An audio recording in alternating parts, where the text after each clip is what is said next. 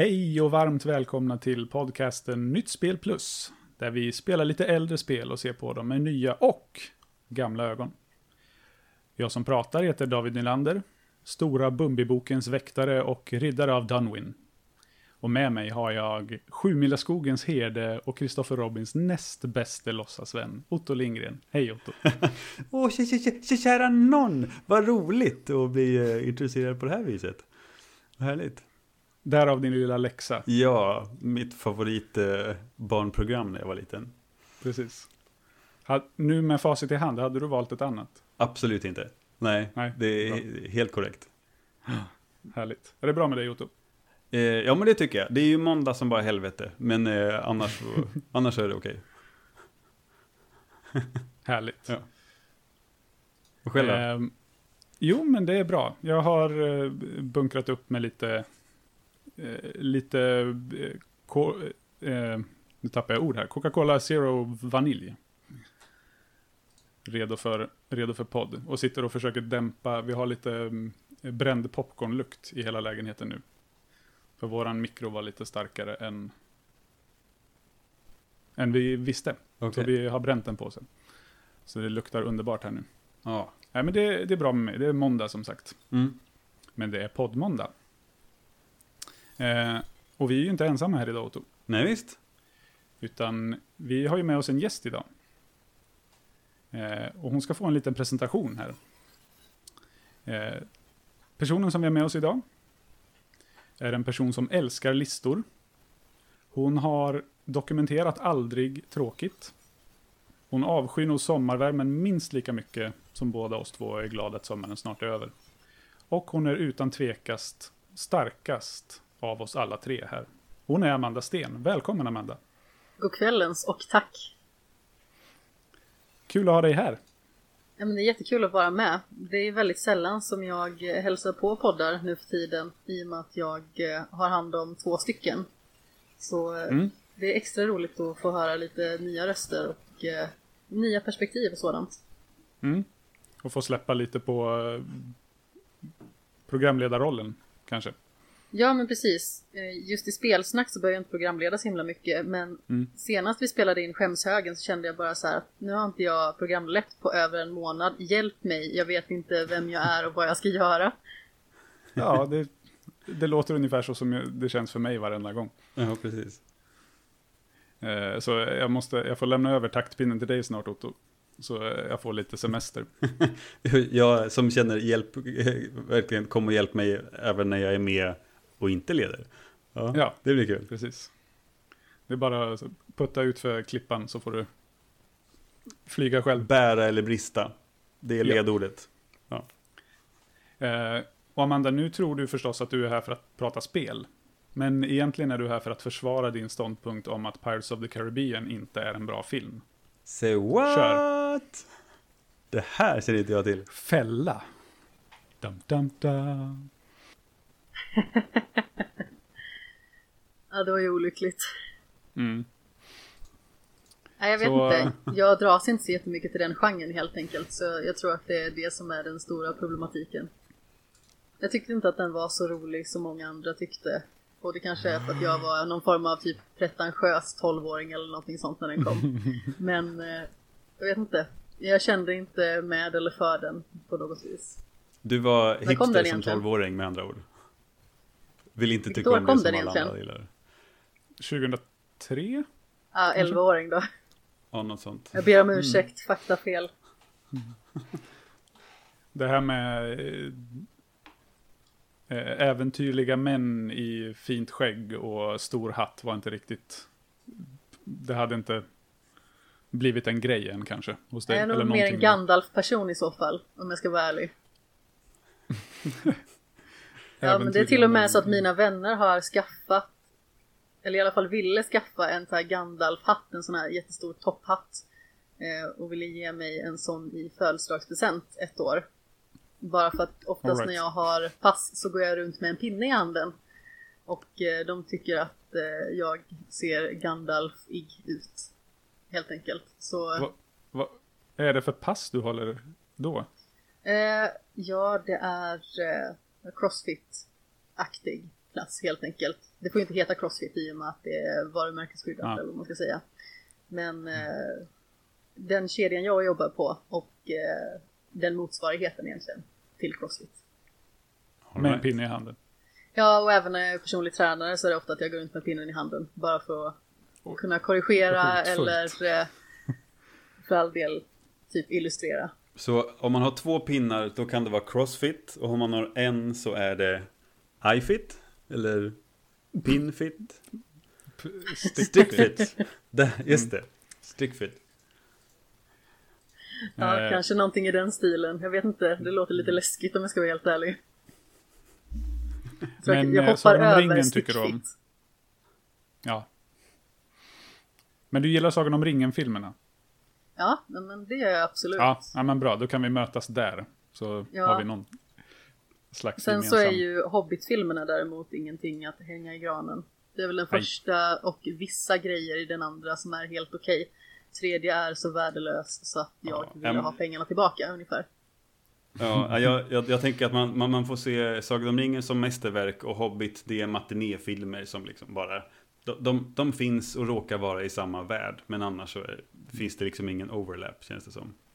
Nej men jag tycker det är synd för att de har ju egentligen bra komponenter. Alltså det är en bra bok som filmerna baseras på. Även att det kanske bara borde varit en film. Det är bra skådespelare men de fick inte rätt förutsättningar. Det är en häftig värld men den porträtt, eh, porträtteras inte väl överhuvudtaget. Så det är liksom inte komponenternas fel utan utförandet som bara blir pannkaka. Mm. Mm. Absolut. Truer words have never been spoken. Ja, men det är bra. Då, har, då möts vi på mitten där i alla fall. Eh, vi ska gå in lite mer på eh, vad den här podden faktiskt handlar om. Annat än eh, nördsnack. Och män i hattar. Eh, Ja, Precis. det har varit lite sånt. Det har varit eh, pa- pannbands eh, snack. Ghost of Tsushima. Just det. Man Mm. samlar ah, jag pannband. förstår. Ja. Ja, fler hattar lär det bli. Det. Ja. Eh, lite bara teknisk info. Eh, vi pratade ju om att eh, podden hade försvunnit från Acast och jag fattar inte varför. Men den är tillbaka där nu. Men nu är ju istället första avsnittet borta från nästan alla plattformar. Och det har någonting att göra med att eh, feedburnern till den här podden hade något maxtak på 10 avsnitt. Varför den hade det vet jag inte. Så när jag publicerade det senaste, då försvann det första. Nu har jag tagit bort taket, men första avsnittet är borta. Eh, så det är olyckligt. Men nu, har vi, eh, nu är taket på 500 avsnitt i alla fall. Så eh, vi kan hålla på ett tag till utan att fler. Då har vi marginal Försvinner. alltså. Ni har lite ja. att jobba med där. Ja. Yes. Eh, så det, eh, ja, jag kanske lägger upp första avsnittet igen om det är någon som skulle vilja det. Eh, av någon anledning. Men eh, det, det är borta för att jag har klantat mig. Och inte för att ni som lyssnar gör något fel när ni letar efter det. Eh, då tänker jag att vi tar och går vidare till dagens spel. Vilket spel har vi spelat till idag, Amanda? Vi har spelat Transistor.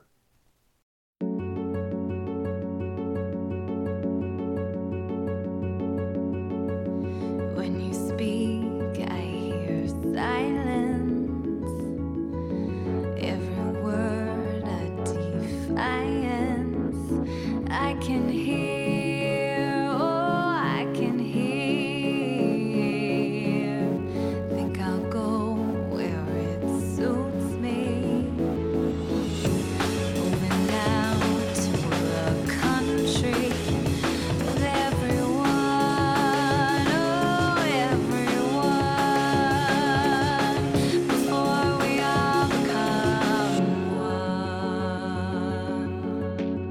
är ju en av dina gamla godingar, eller vad man ska säga.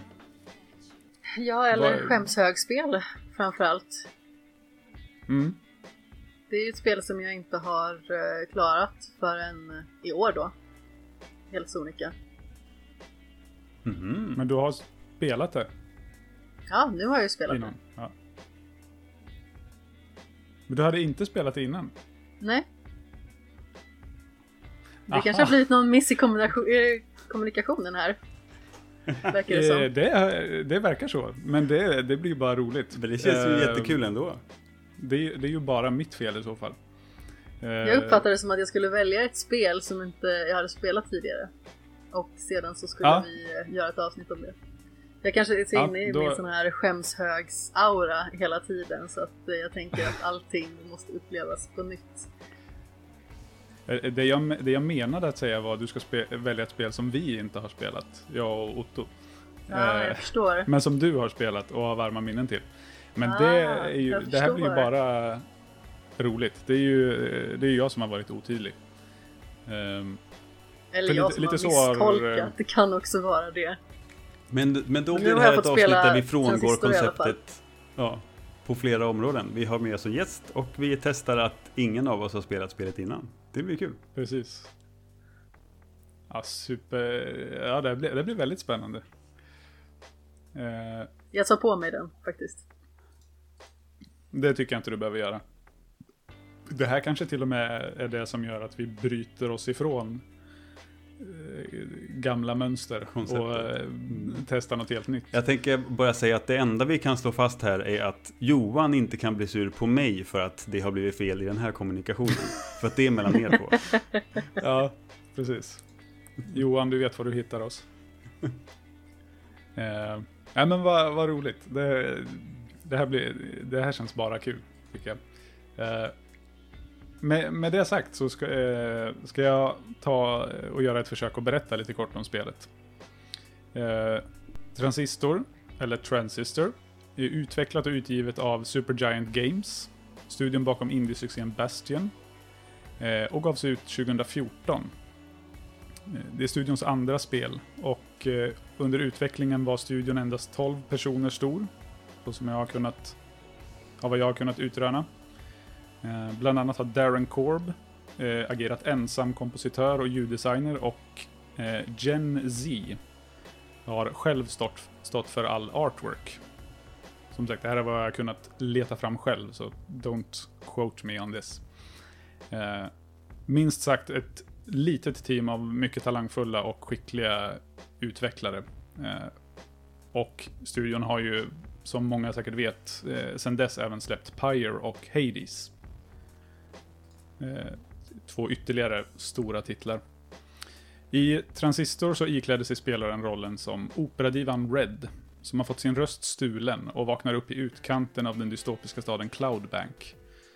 I sällskap av ett minst sagt karismatiskt svärd, som ger henne övern övernaturliga förmågor, ger hon sig ut på jakt efter eh, Kameratan, en ondskefull organisation som tycks vara orsaken till hennes stumhet. Transistor är oerhört välrenommerat och omtyckt av såväl kritiker som spelare. Eh, framåt slutet av 2015 hade spelet sålt i över en miljon exemplar, spritt över flera plattformar. Det har fått otaliga nomineringar från bland annat eh, The Game Awards, Bafta och olika Goti-utnämningar. det har vunnit pris för eh, bästa strategi, bästa art style, som jag för övrigt inte kommer på eh, något bra svenskt ord för. Eh, så det kan ni flika in med om ni kommer på något. Eh, och även för bästa soundtrack. Därmed förvånar det nog ingen att höra att spelets soundtrack, artstyle och spelmekanik är de aspekter som ofta lyfts fram när man pratar om Transistor. Eh, däremot har dess berättande och story fått blandat mottagande. Medan vissa har lovprisat dess öppenhet och tolkningsbara berättelse har andra kallat spelet frustrerande vagt och en titel som väljer mystik över begriplighet. Det var lite om Transistor. Vad, eh, jag tänkte att vi kan ta det innan vi går in. Det har legat i din skämshög, Amanda. Det har det. Vad är det som har lockat och vad är det som har satt käppar i hjulet? Men alltså problemet med mig egentligen det är att det finns så himla mycket som jag vill uppleva och jag har ju det här i att jag delvis behöver vara ganska så aktuell i och med att jag dels skriver om spel och jag poddar om spel. Och när jag samtidigt då vill ta mig an andra saker som jag faktiskt har missat så är ju risken att om jag börjar med det och kanske fastnar lite så kanske jag behöver ge mig på något annat som kanske är mer aktuellt och då kan det liksom falla in i det fördolda. Så jag har faktiskt börjat spela Transistor en gång i tiden och eh, till den här gången så började jag om på en ny kula helt enkelt. Eh, det är ju nästan till förrädiskt vackert och det är ju det som lockar väldigt mycket. Jag har spelat Bastion, jag har spelat Pyre och jag har spelat Hades två gånger eh, de senaste två åren liksom. Så det är ju en studio som är väldigt pålitlig och dessutom så har ju i mångt och mycket alla deras spel fått väldigt mycket lovord. Och så även Transistor som de flesta håller som deras bästa ännu. Även att med facit i hand håller jag inte riktigt med. Men eh, vi ska komma in på mer vad man tycker om det sen kanske. Jajamän. Eh, vad har du för relation till det Otto? Sen innan? Ja, jag får väl också erkänna att jag har haft det här på min skämshög ganska länge. Och jag sitter nu medan vi pratar och försöker se om jag kan hitta på Steam när jag köpte det. Eh, för alltså Transistor hade jag på, på tapeten länge att jag ville spela och sen så la jag till det på wishlistan i, i Steam och väntade tills det var i någorlunda rimligt pris. Sådär som man gör när man var student. Eller gjorde. Eh, och eh, Ja men sen har det bara inte blivit av. Jag har också haft det på, i skämshögen länge. Men jag älskade Bastion. Jag tyckte att det var ett fantastiskt spel. Så jag var supertaggad på det här. Eh, och sen så ja, har det inte blivit av. Och eftersom jag inte har spelat detta så har jag inte kunnat eh, spela något av de andra. Alltså Pyre och Hades. För att jag måste spela det här först. Så jag tycker det är ganska skönt att vi har fått det här gjort nu så att jag kan gå vidare till de nästkommande sen. Du, du är lite för anal för att hoppa över ett av... Mm.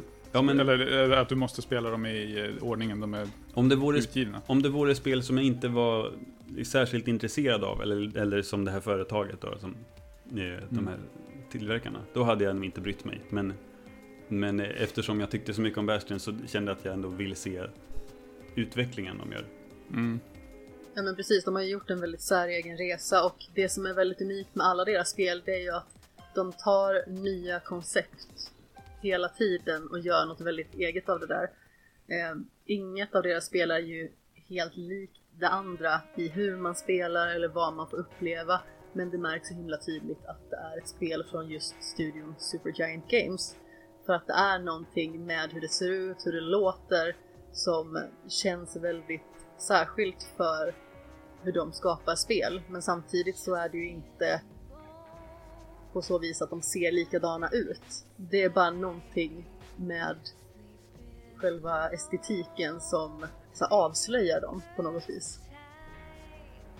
Mm. Mm, verkligen. Jag kommer på mig själv med att sitta och nicka en massa nu när ni pratar. Det är jättesmart i formatet. Jag har inte... Eh, själv har jag bara spelat Bastion, eller det, ja, som du Otto. Eh, men tyckte väl inte att det var... Det var, det var bra, men det var liksom inte... Det lämnar inte något bestående intryck egentligen. Jag tror att det kanske var du som tipsade mig om det. Det kan det nog Eller vara. att jag, att jag ja. Du de, delade med mig, delade med dig av det till mig. Mm. Och jag har inte haft någon koll på studion egentligen sen jag spelade Bastion, förutom när det har börjat snackas väldigt mycket om Hades, som jag är jätte, jättesugen på. Jag kan göra mig Eh. skyldig till det känner jag. Ja, det är, det är nog verkligen inte bara du. Svamppodd har ju nämnt det minst en gång i varje avsnitt. Men då måste du komma ihåg David att du måste ju spela Pyre först. Så är det Du ju. måste ta dem i rätt ordning. Eh, jag har ju inte köpt det än. Det ligger på wishlisten på min eh, Switch. Och har... Ja, vad kan det vara? Den, den har väl bara droppat kanske 10 kronor sen eh, den kom upp där första gången och nu ligger den väl på strax över 200 så att det är mer en snålhetsfråga just nu. Att jag inte har köpt det. Men det, jag känner att det är ett som jag kommer fastna i. När det väl beger sig. Eh, med det sagt, ska vi ta och kasta oss in i och prata om transistor? Ja, Yeah. Då kör vi lite grafik. Nice view. Men No, no, I was talking about the mountains. Really. För som du sa, Amanda, det är ju... Alltså man blir ju, man blir ju kär i det här, hur det här spelet ser ut.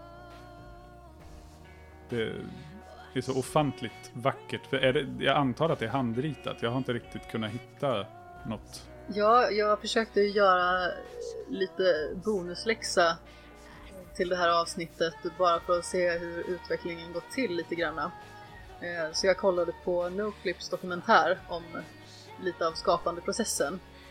Och det är ju eh, eh, hon som du precis nämnde tidigare som jag har tappat namnet på nu som eh, Mm.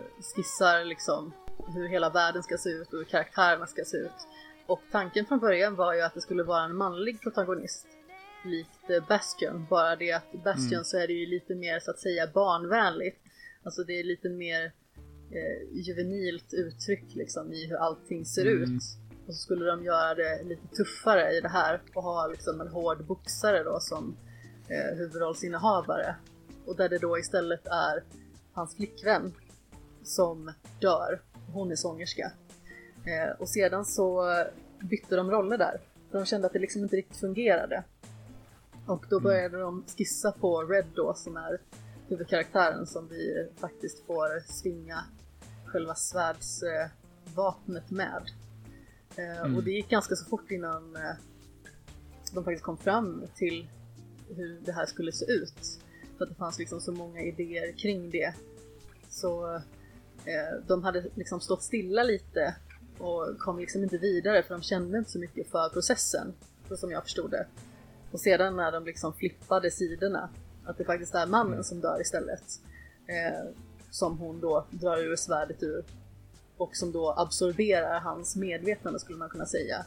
Eh, vilket också då är rösten som man hela tiden hör som pratar med en på vägen. Eh, Den idén i sin tur är typ sprungen ur något sånt här att, att det var en av skaparna som hade en idé om att det skulle vara en kvinna som då jobbar på en taverna och så kommer det in en trollkarl som hon blir kär i och nästa dag så blir han dödad. Eh, och i och med att de hade etablerat att det liksom skulle vara en sån här futuristisk värld eh, med lite så här 20-tals eh, flair eller vad man ska säga. Eh, så tog de liksom idéerna och satte dem samman. Eh, så estetiken är ju väldigt futuristisk även att, precis som de också kommenterar på, att de vill liksom inte ha det här uppenbara Blade Runner-aktiga utan göra någonting väldigt eget och det tycker jag att de har gjort för det är verkligen supervackert hela vägen igenom. Det är så mycket intressanta idéer och det är ju som att spela ett levande konstverk egentligen. Mm. Verkligen. Det, jag, jag tycker det är så spännande att det, det är som ett färgglatt futuristiskt noir-tema på det. För Ja, det, är, det är verkligen det här 20-tals och, alltså det, och det, det, är liksom lite art nouveau-stuk på när det är när det är stillbilder i, i, scenerna eller den gick över huvudet på David. Ja. Eh, Ja, visst, då, orden du säger, absolut. ja, det, jag är med på det. Eh, eh, och och på, på alla affischer som sitter uppe på, på gatorna och så här. Eh, du kan googla på det David, får du se. Ja, jag Det- får göra det. Det, du, du kommer, jag tror du kommer fatta det, Yes. referensen. Eh, ja men det är verkligen hä- häftig, häftig och vacker, eh, vacker bild, det, det de har skapat. Mm. Eh, jag, jag upplevde att staden ofta kändes ganska tråkig. Alltså byggnader, gator. Mm. Att det, det, man, man ville se mer av det som var bakom. Ville, eh, och ville komma till mellansekvenserna. För de var alltid jättevackra. Men jag, jag, jag fick ofta känslan av att det kändes så tråkigt när jag sprang runt i husen för att det var nästan lite för, eller det, det blev så väldigt, eh, väldigt lite eh, av det vackra när man sprang runt och slåss, slogs. Eh, Ja, Känner ni precis. igen er i det? Eller har jag bara Ja. misstolkat, sett för lite av det?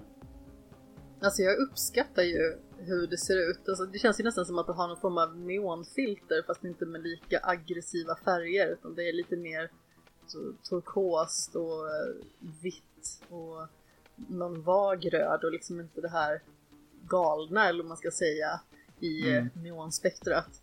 Men ja, som jag har förstått det så var det problem med höjden på husen. Att de valde liksom att sänka husens takhöjd eh, och försöka att bygga upp att man ska veta snarare att staden finns i bakgrunden. Att den liksom ska existera där. Bara det att det var liksom svårt att inte få det liksom för plottrigt på något vis i och med att det liksom är, ja det är väl isometrisk by.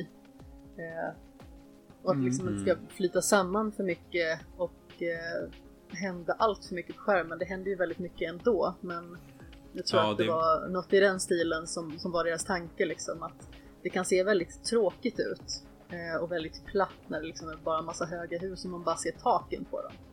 Mm. Mm. Ja, de, eh, det, det, det var någonting som jag tyckte också var, var, var snyggt gjort med just det här alla husen i förgrunden och det var, och det var balkar och allt möjligt som rörde sig. Eh, som i, ibland gick jag runt på kartan bara, eller, liksom på gatorna för att se hur egentligen husen rörde sig, det som var i förgrunden. För att det, var, det, det kändes onaturligt fast på ett snyggt sätt hur förgrunderna rörde sig. Jag tyckte inte alltid att det hängde ihop med hur jag gick men, men det gav ändå en väldigt tydlig djupkänsla. Och att man, man kände att det var, var en stad runt omkring även fast man inte fick se det Mm. eftersom man inte kan vrida kameran. Liksom. Jag gillar ju verkligen när det är lite saker i förgrunden. Annars så är ju risken att det kan bli ganska så platt. Men Mm. eh, det är många fotografer som eh, slår ett slag för liksom att man alltid ska ha lite så att säga skit i förgrunden. Bara för att det ska Mm. ge mer djup till en bild till exempel. Det är ju därför jag är här på podcasten till exempel.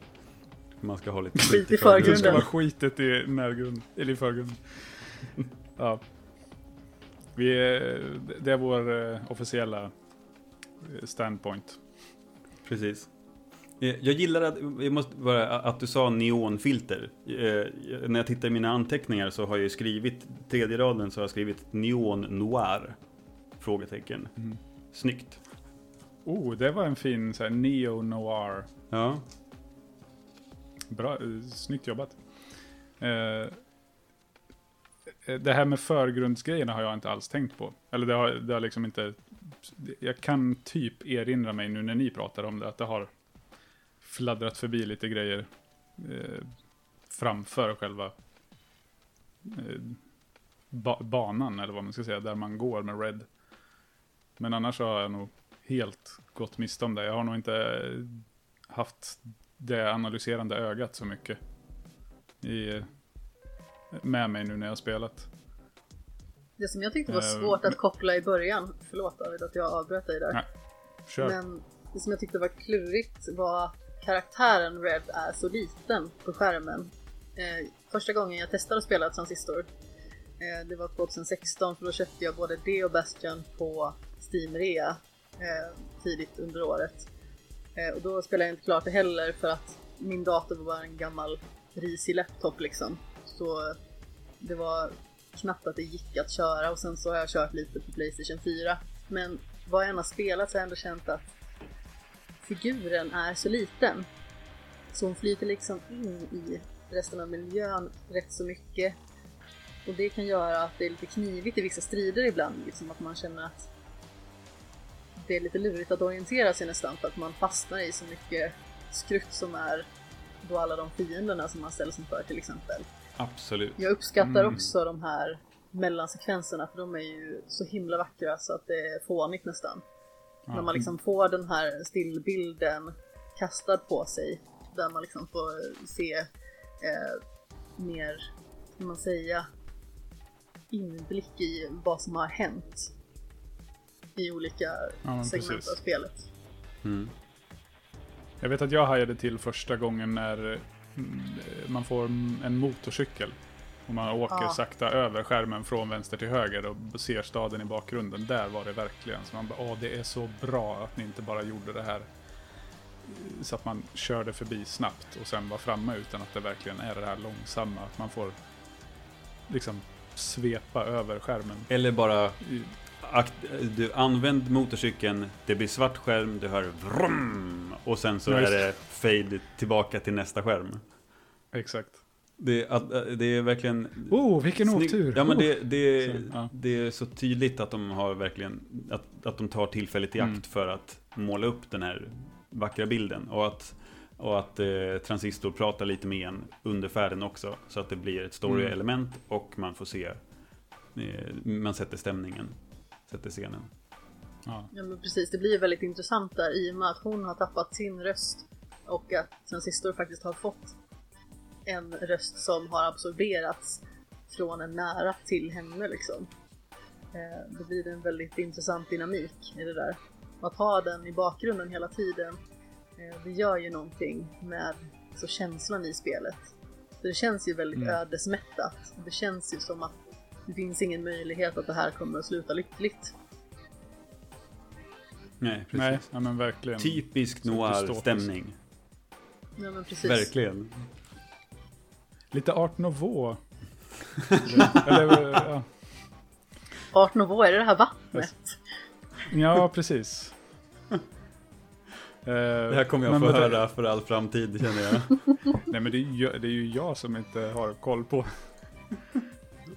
alla finkulturella Ja, precis. termer som florerar här. Precis. Men jag tänkte på det här du sa med att du tyckte att staden såg tråkig ut, eller själva, Mm. eh, själva banan, banorna Ja. såg tråkiga ut. Att, Ja, men jag tyckte att det generellt var lite grådassigt. Man kommer till olika Mm. områden och jag kan inte riktigt avgöra vad det är för, för ställen.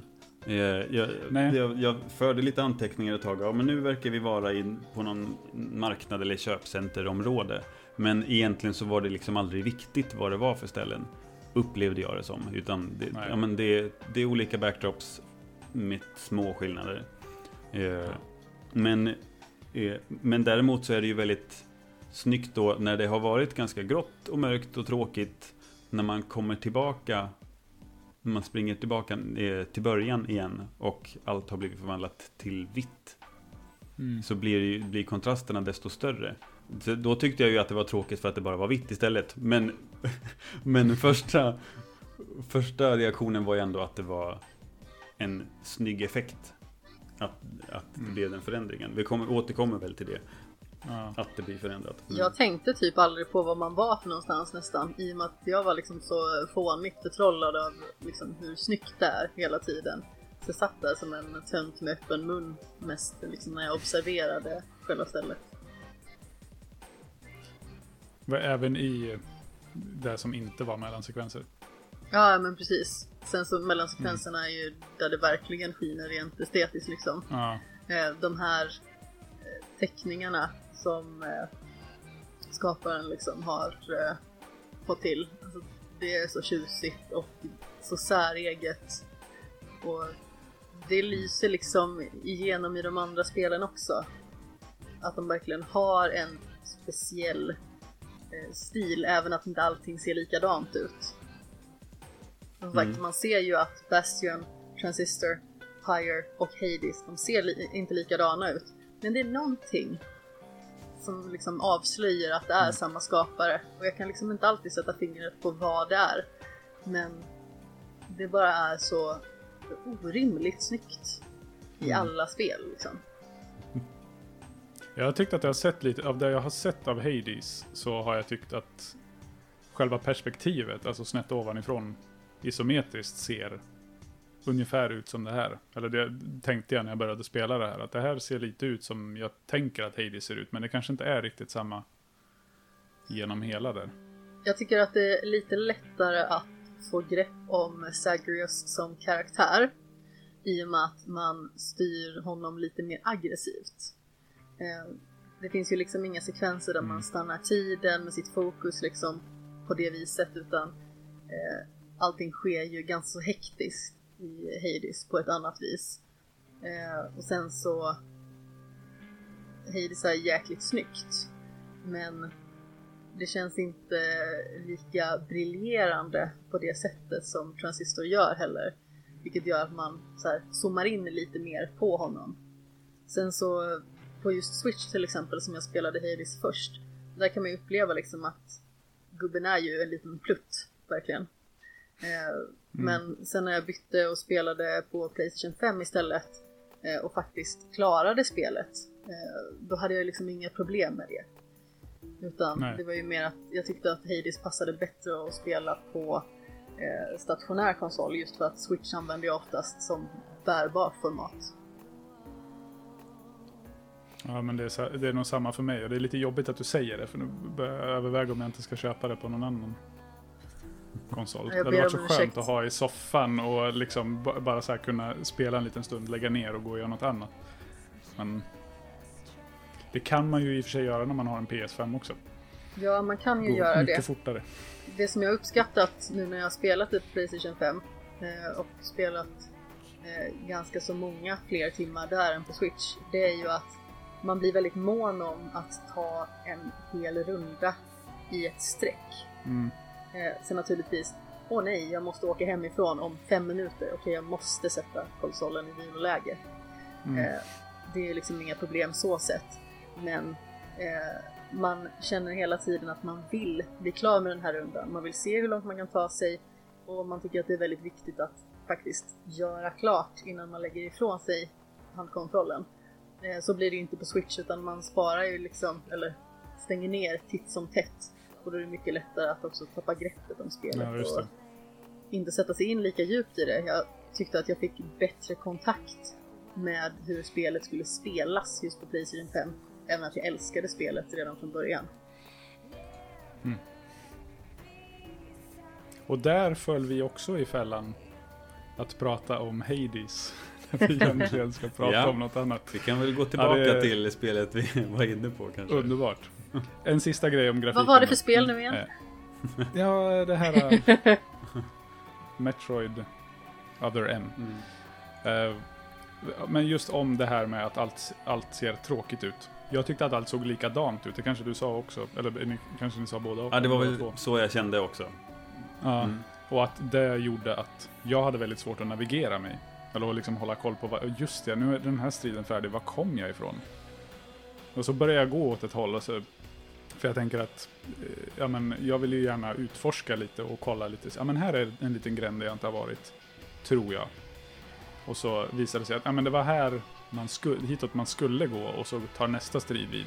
Så att jag missade liksom en massa lullull runt omkring för att jag jag höll inte koll på vilka håll som var nya och vilka som var... Ja, ja. Mm. Ja, Ja, Jag kände också att jag lite av misstag gick rätt hela tiden. Sen försökte jag hitta de här terminalerna. Bara för att försöka liksom få lite mer Mm. information eller vad det nu var som man kunde tillgå från den. Mm. just det. Ja, men de, Eh, de försökte jag ta hela tiden också. Absolut. Man ville ju se Mm. så mycket man kunde. Men jag ork, orkade inte alltid läsa allt så väldigt noggrant. Eh, jag, jag, jag, jag, tänker all information man kunde läsa om uppgraderingarna man plockade upp. Men vi eh, kan ta det mer vid manus kanske. Jajamän. Ska vi ha, gå vidare till, eh, till ljud? Stay a while and listen. Det tycker jag. För det är ju så jävla bra musik i det här spelet. Ja, definitivt. Yes. Eh, det, alltså man är ju fängslad i varje område eh, av musiken och vill lyssna färdigt på varje soundtrack. Och jag antar att ni också la märke till eh, och, och tänkte på att när man drar igång den här turn-grejen, att det pausas och du kan välja hur du planerar din, planerar din tur, så är det ju samma tema som, som i området fast då är det ned, nedtonat och eh, man hör Red nynna melodierna istället. Ja, men precis. Ja, det är supersnyggt. Det blir nästan meditativt liksom i just den stunden. För Ja, att det bidrar ju med sån otrolig stämning. Sen så kommer vi ju komma till mer hur striderna utförs också men det sätter verkligen tonen hela tiden på just det spelsättet.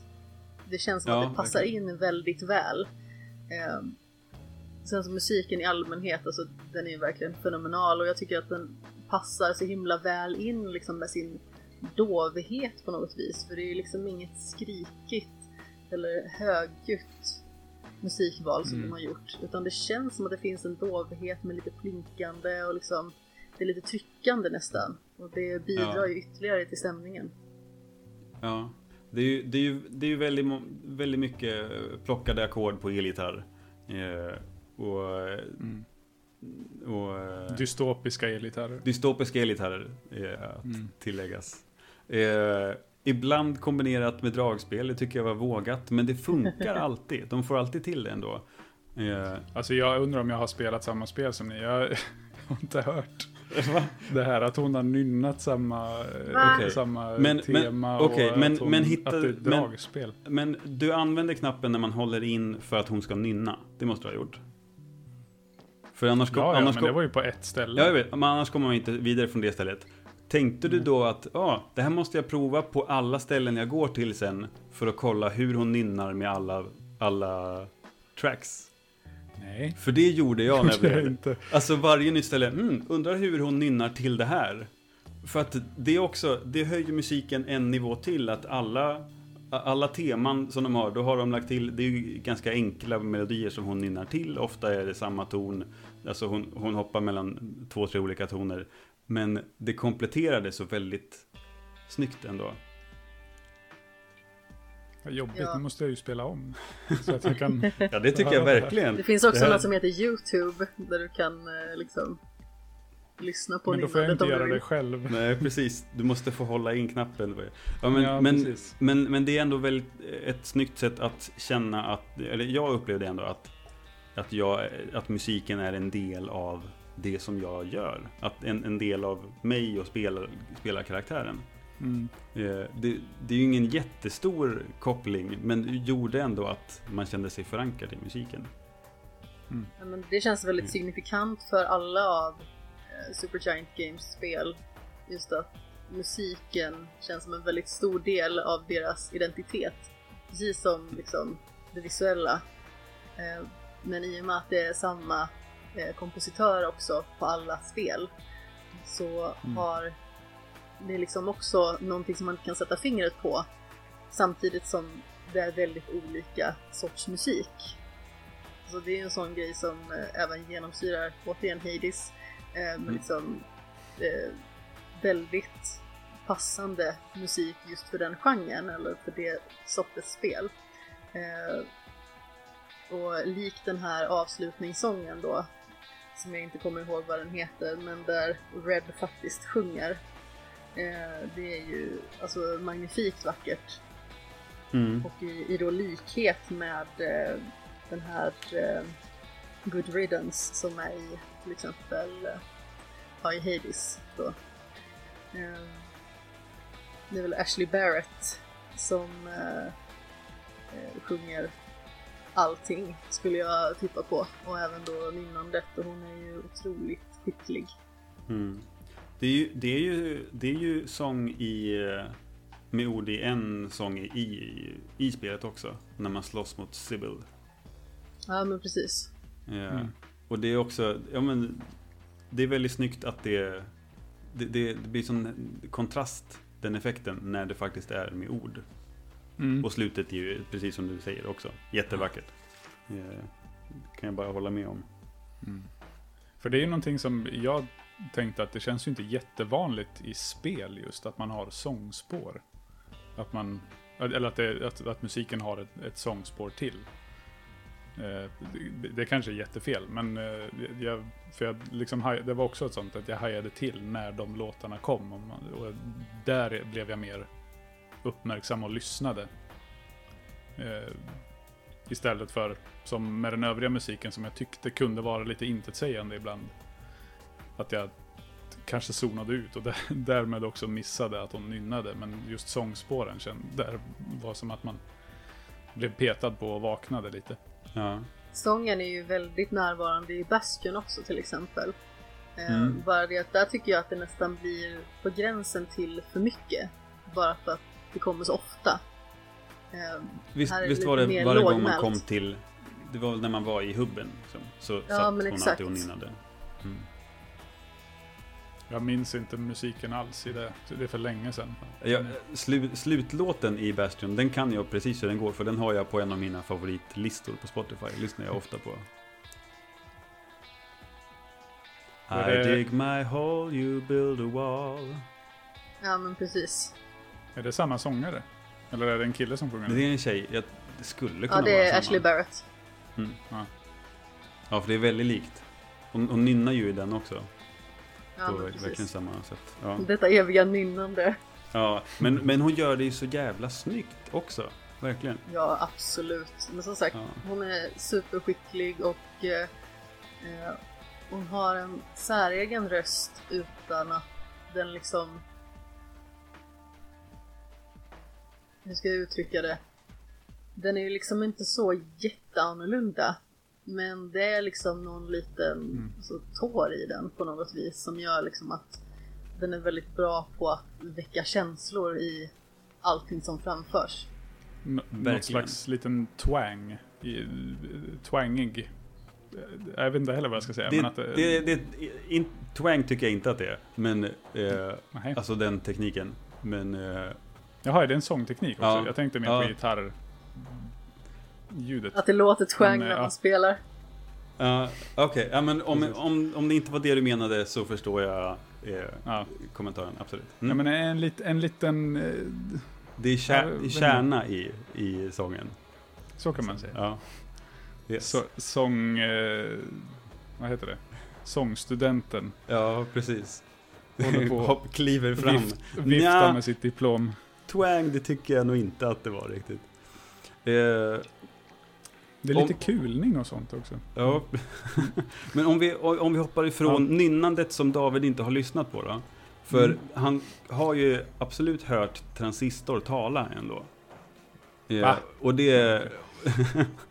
Fy fan, hade du missat det David? Eh, men för det är ju också, det är ju en jättestor del i, i, i spelet. Eh, Den interaktionen som man har med Transistor även fast man inte interagerar själv med i samtalet så blir man väldigt engagerad ändå i, i det han säger. När, när, när man i, i mitten på spelet eh, blir förföljd av det stora monstret, The Spine. Mm. Eh, och, och Transistor blir påverkad, blir sjuk, blir trött typ. Det lyser ju rött om Mm. svärdet. Och han är, det, det är som att han, ja men det är typ som att han har feber. Ja men, ja men helt, och jag vet- inte vad som händer. Eh, och man, jag kände ju att jag var ju orolig för honom och vi- ville liksom bara bara ta mig igenom så han skulle bli bra igen. För att det var verkligen som att man hade med sig en kompis. Eller en kär vän Mm. på... Ja men precis, men jag tror att det handlar kanske mycket om eh, den relation som eh, Red har med personen rösten kommer ifrån. Som rösten liksom absorberades från. Eh, det blir liksom, precis som jag sa innan, en ganska intressant liksom, dynamik i och med att i vanliga fall så brukar det kanske oftast vara att protagonisten talar i tomma luften eller eh, med någonting som man inte kan se eller eh, med ett minne av någon eller vad det nu kan vara. Men här är det liksom att eh, protagonisten är ju helt tyst och den som talar är liksom svärdet. Mm. Eh, så det blir liksom Mm. väldigt spännande där att eh, det finns liksom ingen tvåvägskommunikation på det viset utan eh, det blir nästan som att han narrerar hennes resa. Mm. Eh, och starkast är ju, utan att spoila slutet, eh, så desperationen på något vis i hans röst. Mm. i Mm. eh, slutskedet av vad som händer. Det är ju Precis. extremt starkt. Mm. Det, det är ju ett tillfälle som de har interak interaktiv konversation. Har ni, eh, eh, kom ni till det? När man, när man använder en av de här terminalerna eh, eh, på vägen upp mot The Spine. när man blir eh, an, anfallen av svansen på den gång på gång. Så hittar man en, en terminal där man, man läser om, om attackerna som sker i stan.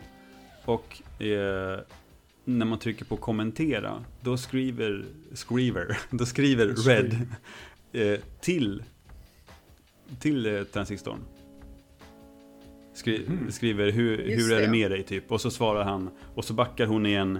Eh, vad, vad, vad skrev hon? Eh, hon hejar på honom. Hold on. Eh, we're, we're almost there. Skriver hon i den där. Och skickar den kommentaren också. Skrivet det som hon sa till honom. Och han säger ja okej. vi, eh, vi fortsätter. Ja men precis, för man kan ju eh, dela kommentarer eller eh, alltså typ svara på undersökningar och sånt i de här eh, Mm. terminalerna. Till Ja, exempel. precis. Eh, och, och där tycker jag är så fint att då tar hon, då tar hon det forumet för att skriva till honom. Att, att eh, peppa honom att hålla ut. Det är också en sån där grej som jag inte tror att jag kopplade att det var till honom. För det, är det fler tillfällen där hon skriver saker, suddar ut, skriver saker, suddar ut? Ja. Skriver, alltså, Det är det. Mm. Eh, Ja, okej. Precis. Och alltså ändrar sig vilken kommentar hon ska skriva. Hon skriver Ja. taskigare saker först och ändrar och då skriver. kan det ha varit så att jag missade den terminalen eller så har jag bara missat att det var till svärdet hon skrev. För Ja, kanske det. Mm. Det, om det hände vid fler tillfällen. För jag vet att det var ett, en eller ett par sådana där. Ja, ja, men det var några stycken. Och det är ju bara en som hon pratar med, pratar till honom. Ja. Jag, Men En, en av mina favoritkommentarer från Transistor i hela spelet är eh, You know what I hate worse than stairs? Nothing. Right now, nothing. Man går upp för en riktigt Ja, lång trappa. ja, ja, det är fint. Det- Jag, jag gillar... eh, Det är när de, nu kommer jag inte ihåg vad de heter, men det är, det är en av de här lite större eh, monster, men det st- större process-varelserna som har som horn. Och han säger Wow, what a haircut. Eller något sånt där. Är det de här han. Young Lady eller vad de heter som du tänker på? Är det inte de här i slutet då? Nej. De här Ja, det är mot slutet. de, de där som är liksom förvrängda män, typ. För som, som kastar Ah. sin haircut Ja. på dig. Just det, precis. Sin tupé. Jävligt konstigt. Det är en väldigt tidig Trump-referens. Innan han... Eller, eller är det någon slags kommentar på att de vill liksom förlöjliga folk som lägger en massa pengar på dyra frisyrer? Att de tycker det är, man, det är, ja jag vet inte. Mm. Jag försökte Det- spitballa är- ihop någonting, vi, släm, vi släpper det. Det är Supergiant Games hemliga agenda. Precis. De vill, de vill få folk att inte, inte ha frisyrer. Mm. Supergiants Men, eh, samhällskritik om tupéer. Ja, sjukt nischat. Eh, ja, men jag tänkte på det här med att, att, att hans röst blir mer förtvivlad mot slutet, eller i slutet. Mm.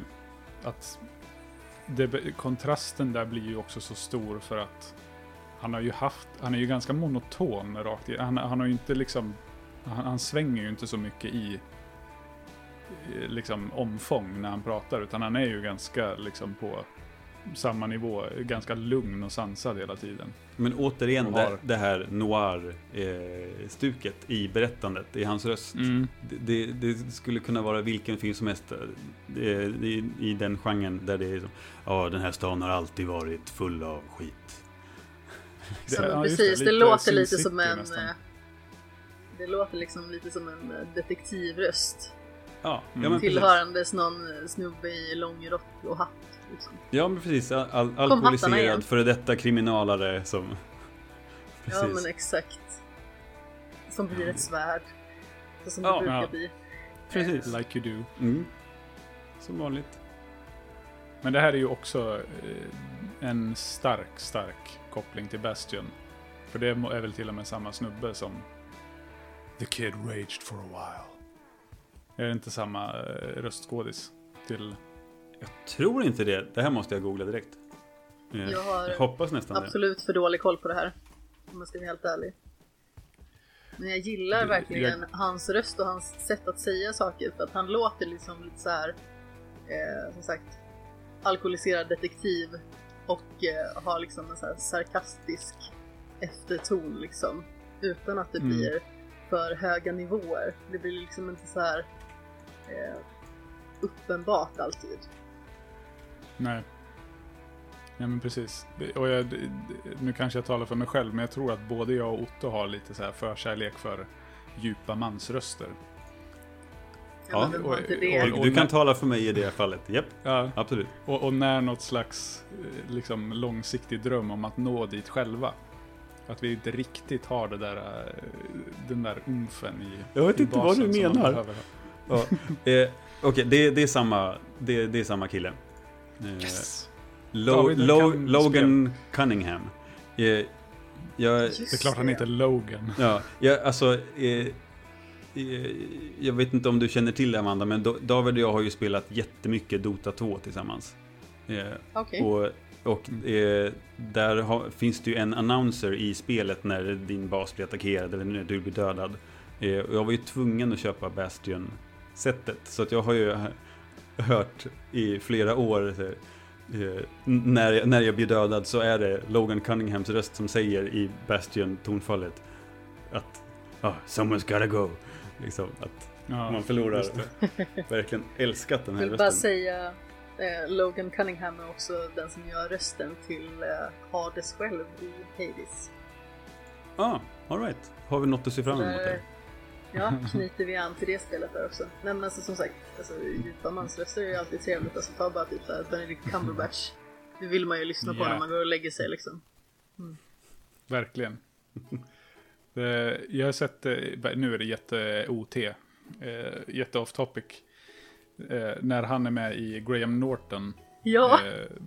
och ska åter, eller han ska göra, göra sin Smaug-röst Eh, i soffan mot de andra två som sitter där och eh, bara liksom nu, nu, nu ska inte jag göra något slags tafatt försök att härma honom, men han, han liksom vänder sig om och säger So, Miranda, is your heart beating?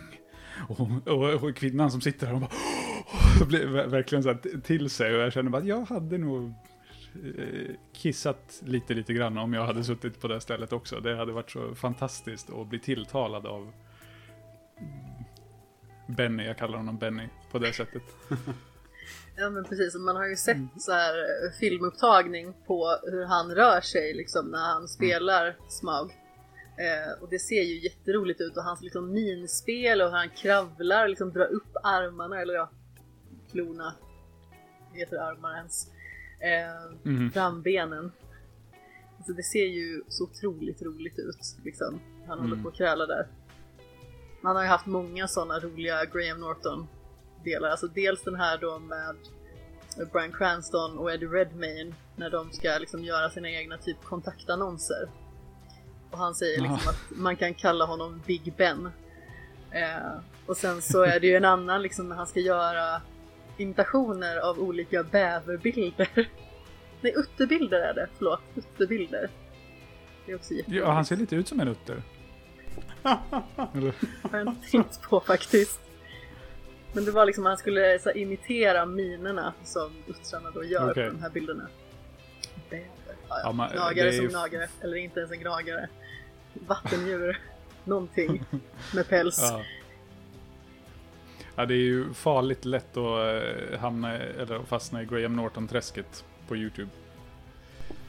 Mycket Jag kul. tänker att för att vi inte ska fastna i Graham Norton-träsket, nu äter jag kex, förlåt jag ska tugga ut. Men jag tycker vi kan gå vidare. Det är bra att du sätter ner foten med munnen full. Ja, vi ska, eh, vi ska ta oss vidare in på kontroll. I am assuming direct control. Bättre det än att sätta ner munnen med foten full. I alla fall. Anyway.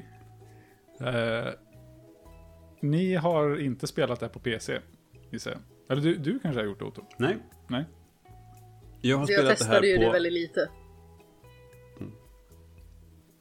Men eh, nu Ja. senast Playstation 5. Season 5, David, PC?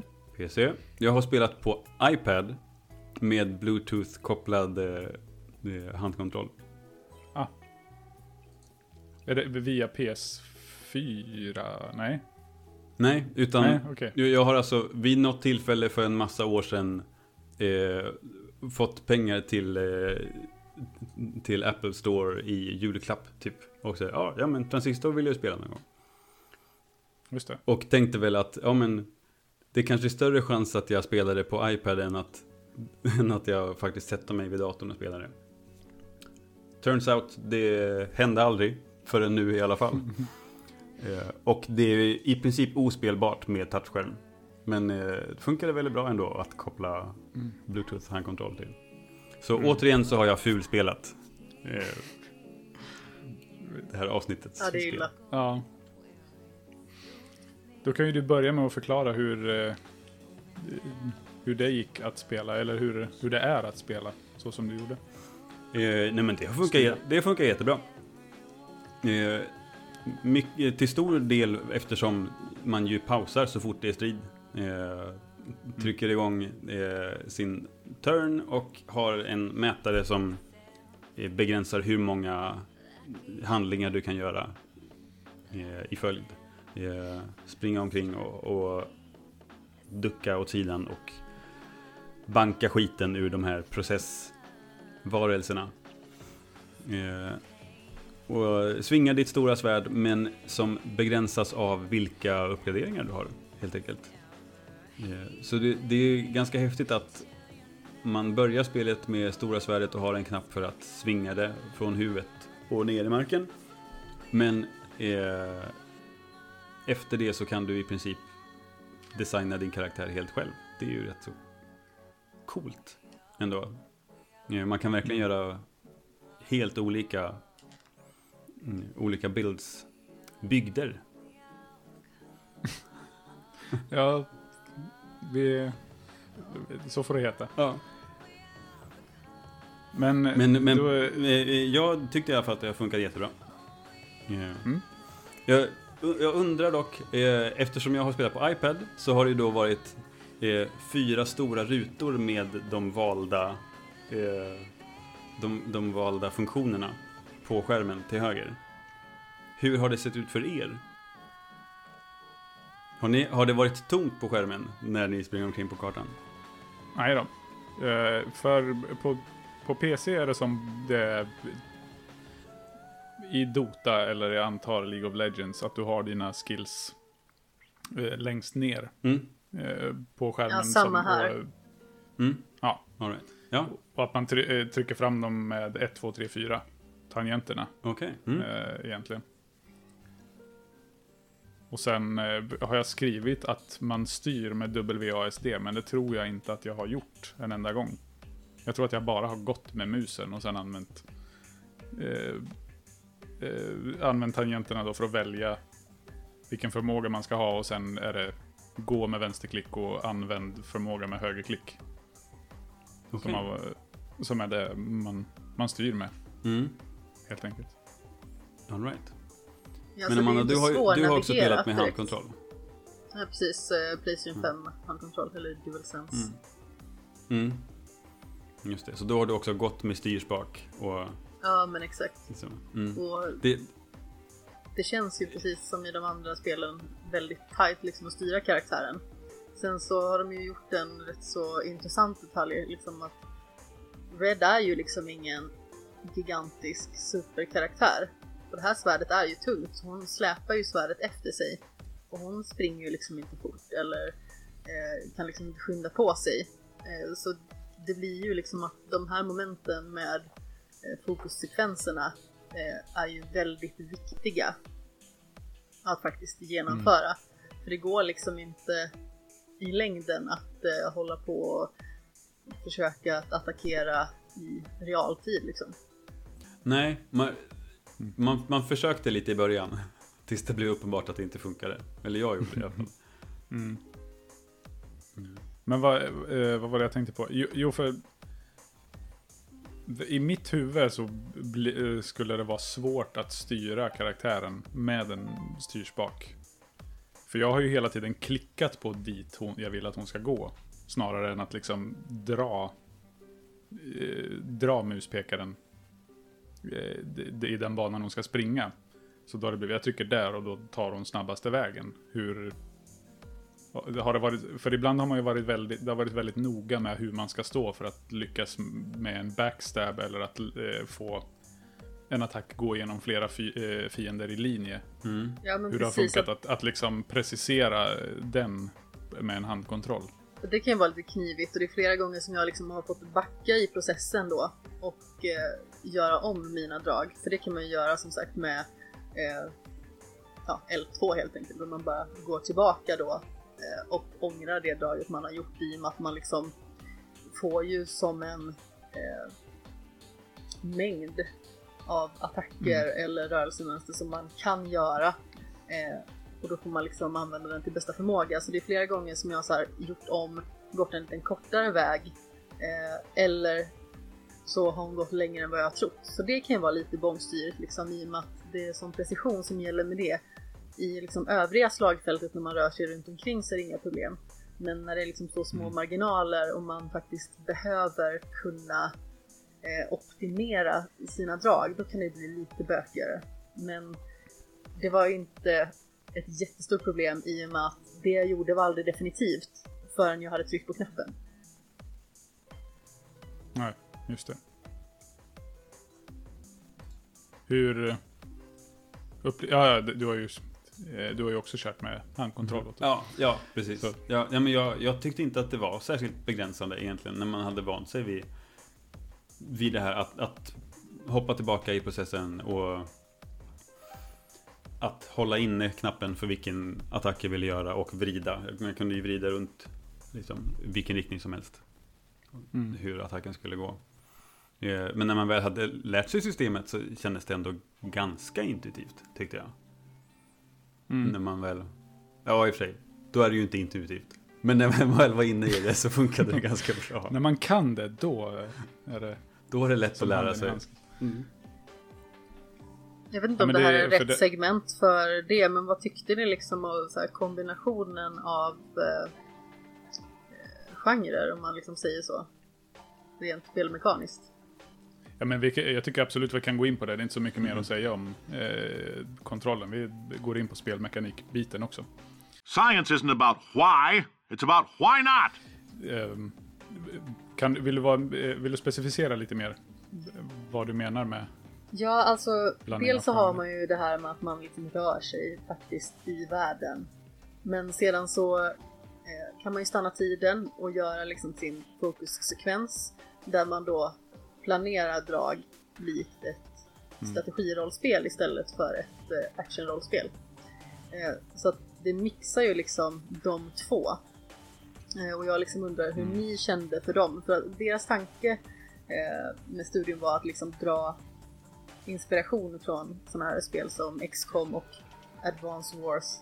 Men då tänka hur gör man liksom ett strategibaserat spel i den här världen utan att göra det liksom turordningsbaserat egentligen. Så vad tycker ni liksom om det och tycker ni att det fungerar? Mm.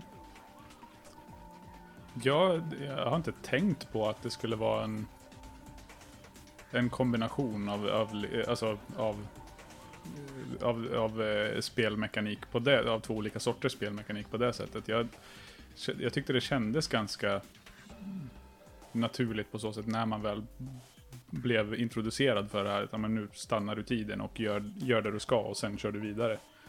Ehm, det- det påminner lite om ett spel som heter Timeline. Ett litet indiespel om ni känner till. Nej. Inte testat faktiskt. Nej. Eh, släpptes förra året tror jag, en, där man är en liten flicka som ska springa igenom. Det är också eh, onda robotar och en ja, dystopisk miljö eh, där man ska ta sig förbi utan att bli sedd och då kan man hela tiden backa tiden och liksom göra om sina drag på samma sätt. Så jag tyckte det påminde väldigt mycket om det. Med skillnaden här då att man, man slåss mycket mer. Och, eh, eh, det kändes bara, jag tänkte bara att ja, det här var ett coolt sätt att spela. Mm. Jag tyckte inte det påminde om så mycket. Jag hade spelat förutom det. Alltså, det är ju precis som du säger, det är ju ett coolt sätt att spela. Eh, jag är lite kluven till det, om jag ska vara helt ärlig. Alltså, jag gillar ju så turordningsbaserat, eh, till exempel. Och gillar ju att spela Fire Emblem-spelen exempelvis. Jag är för dålig på XCOM till exempel men eh, när det finns en möjlighet att så här, justera och kanske göra saker lite lättare eller att det finns olika nivåer av helvete så eh, kan man ju i alla fall ta sig an det. Men Mm. jag kände någonstans att det var någonting i tempot som blev lite frustrerande för mig. Eh, för jag kände att om jag spelar ett Fire Emblem till exempel, då har jag en strid. Visst, den kan vara ganska lång, men då känner jag att då kan jag ta den striden och sedan kan jag pausa om jag vill. Eh, här kändes det som att det fanns liksom inget naturligt bryt när jag spelade. Eh, för att striderna är så pass korta när det gäller liksom eh, det taktiska att man liksom inte kan stanna upp känner man. Men samtidigt så går inte spelet tillräckligt fort för att man liksom ska vilja ruscha på något vis eller eh, plöja spelet. Så det kändes som att det var lite svårt att komma in i rätt lunk, eller vad man ska säga. Eh, Mm.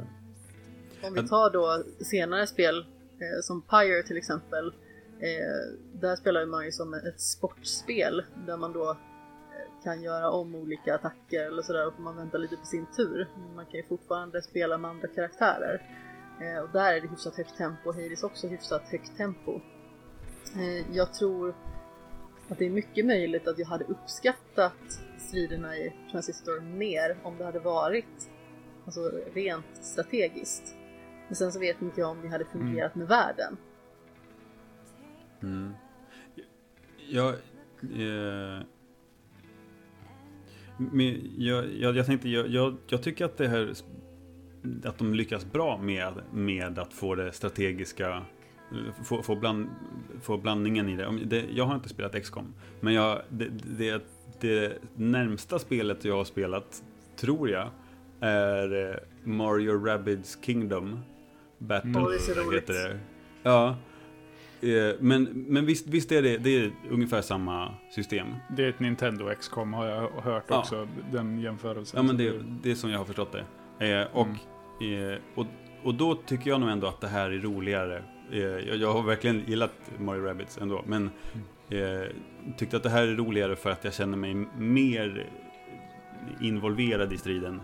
Eh, just för att när jag har gjort mitt drag så blir det kaos och jag dör direkt om jag inte börjar springa omkring i cirklar för att akta mig från de här fienderna som verkligen svärmar in mot den.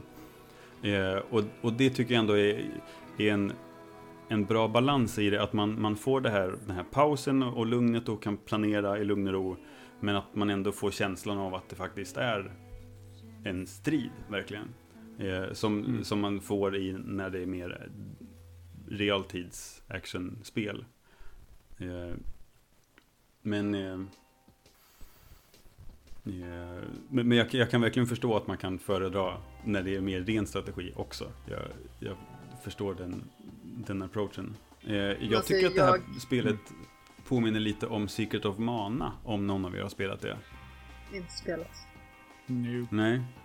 Bra, det, här, det, det är ett bra eh, eh, spel till framtida poddavsnitt i så fall. Men, eh, men eh, för där är det också någon slags semi eh, semiturbaserat. Att när du har attackerat så ska din attack laddas upp igen. Du kan fortfarande springa omkring och försöka hålla avstånd till fienderna. Eh, men, eh, men det pausas inte eh, som i turbaserade spel. Men ändå är det liksom lite fram och tillbaka på något sätt.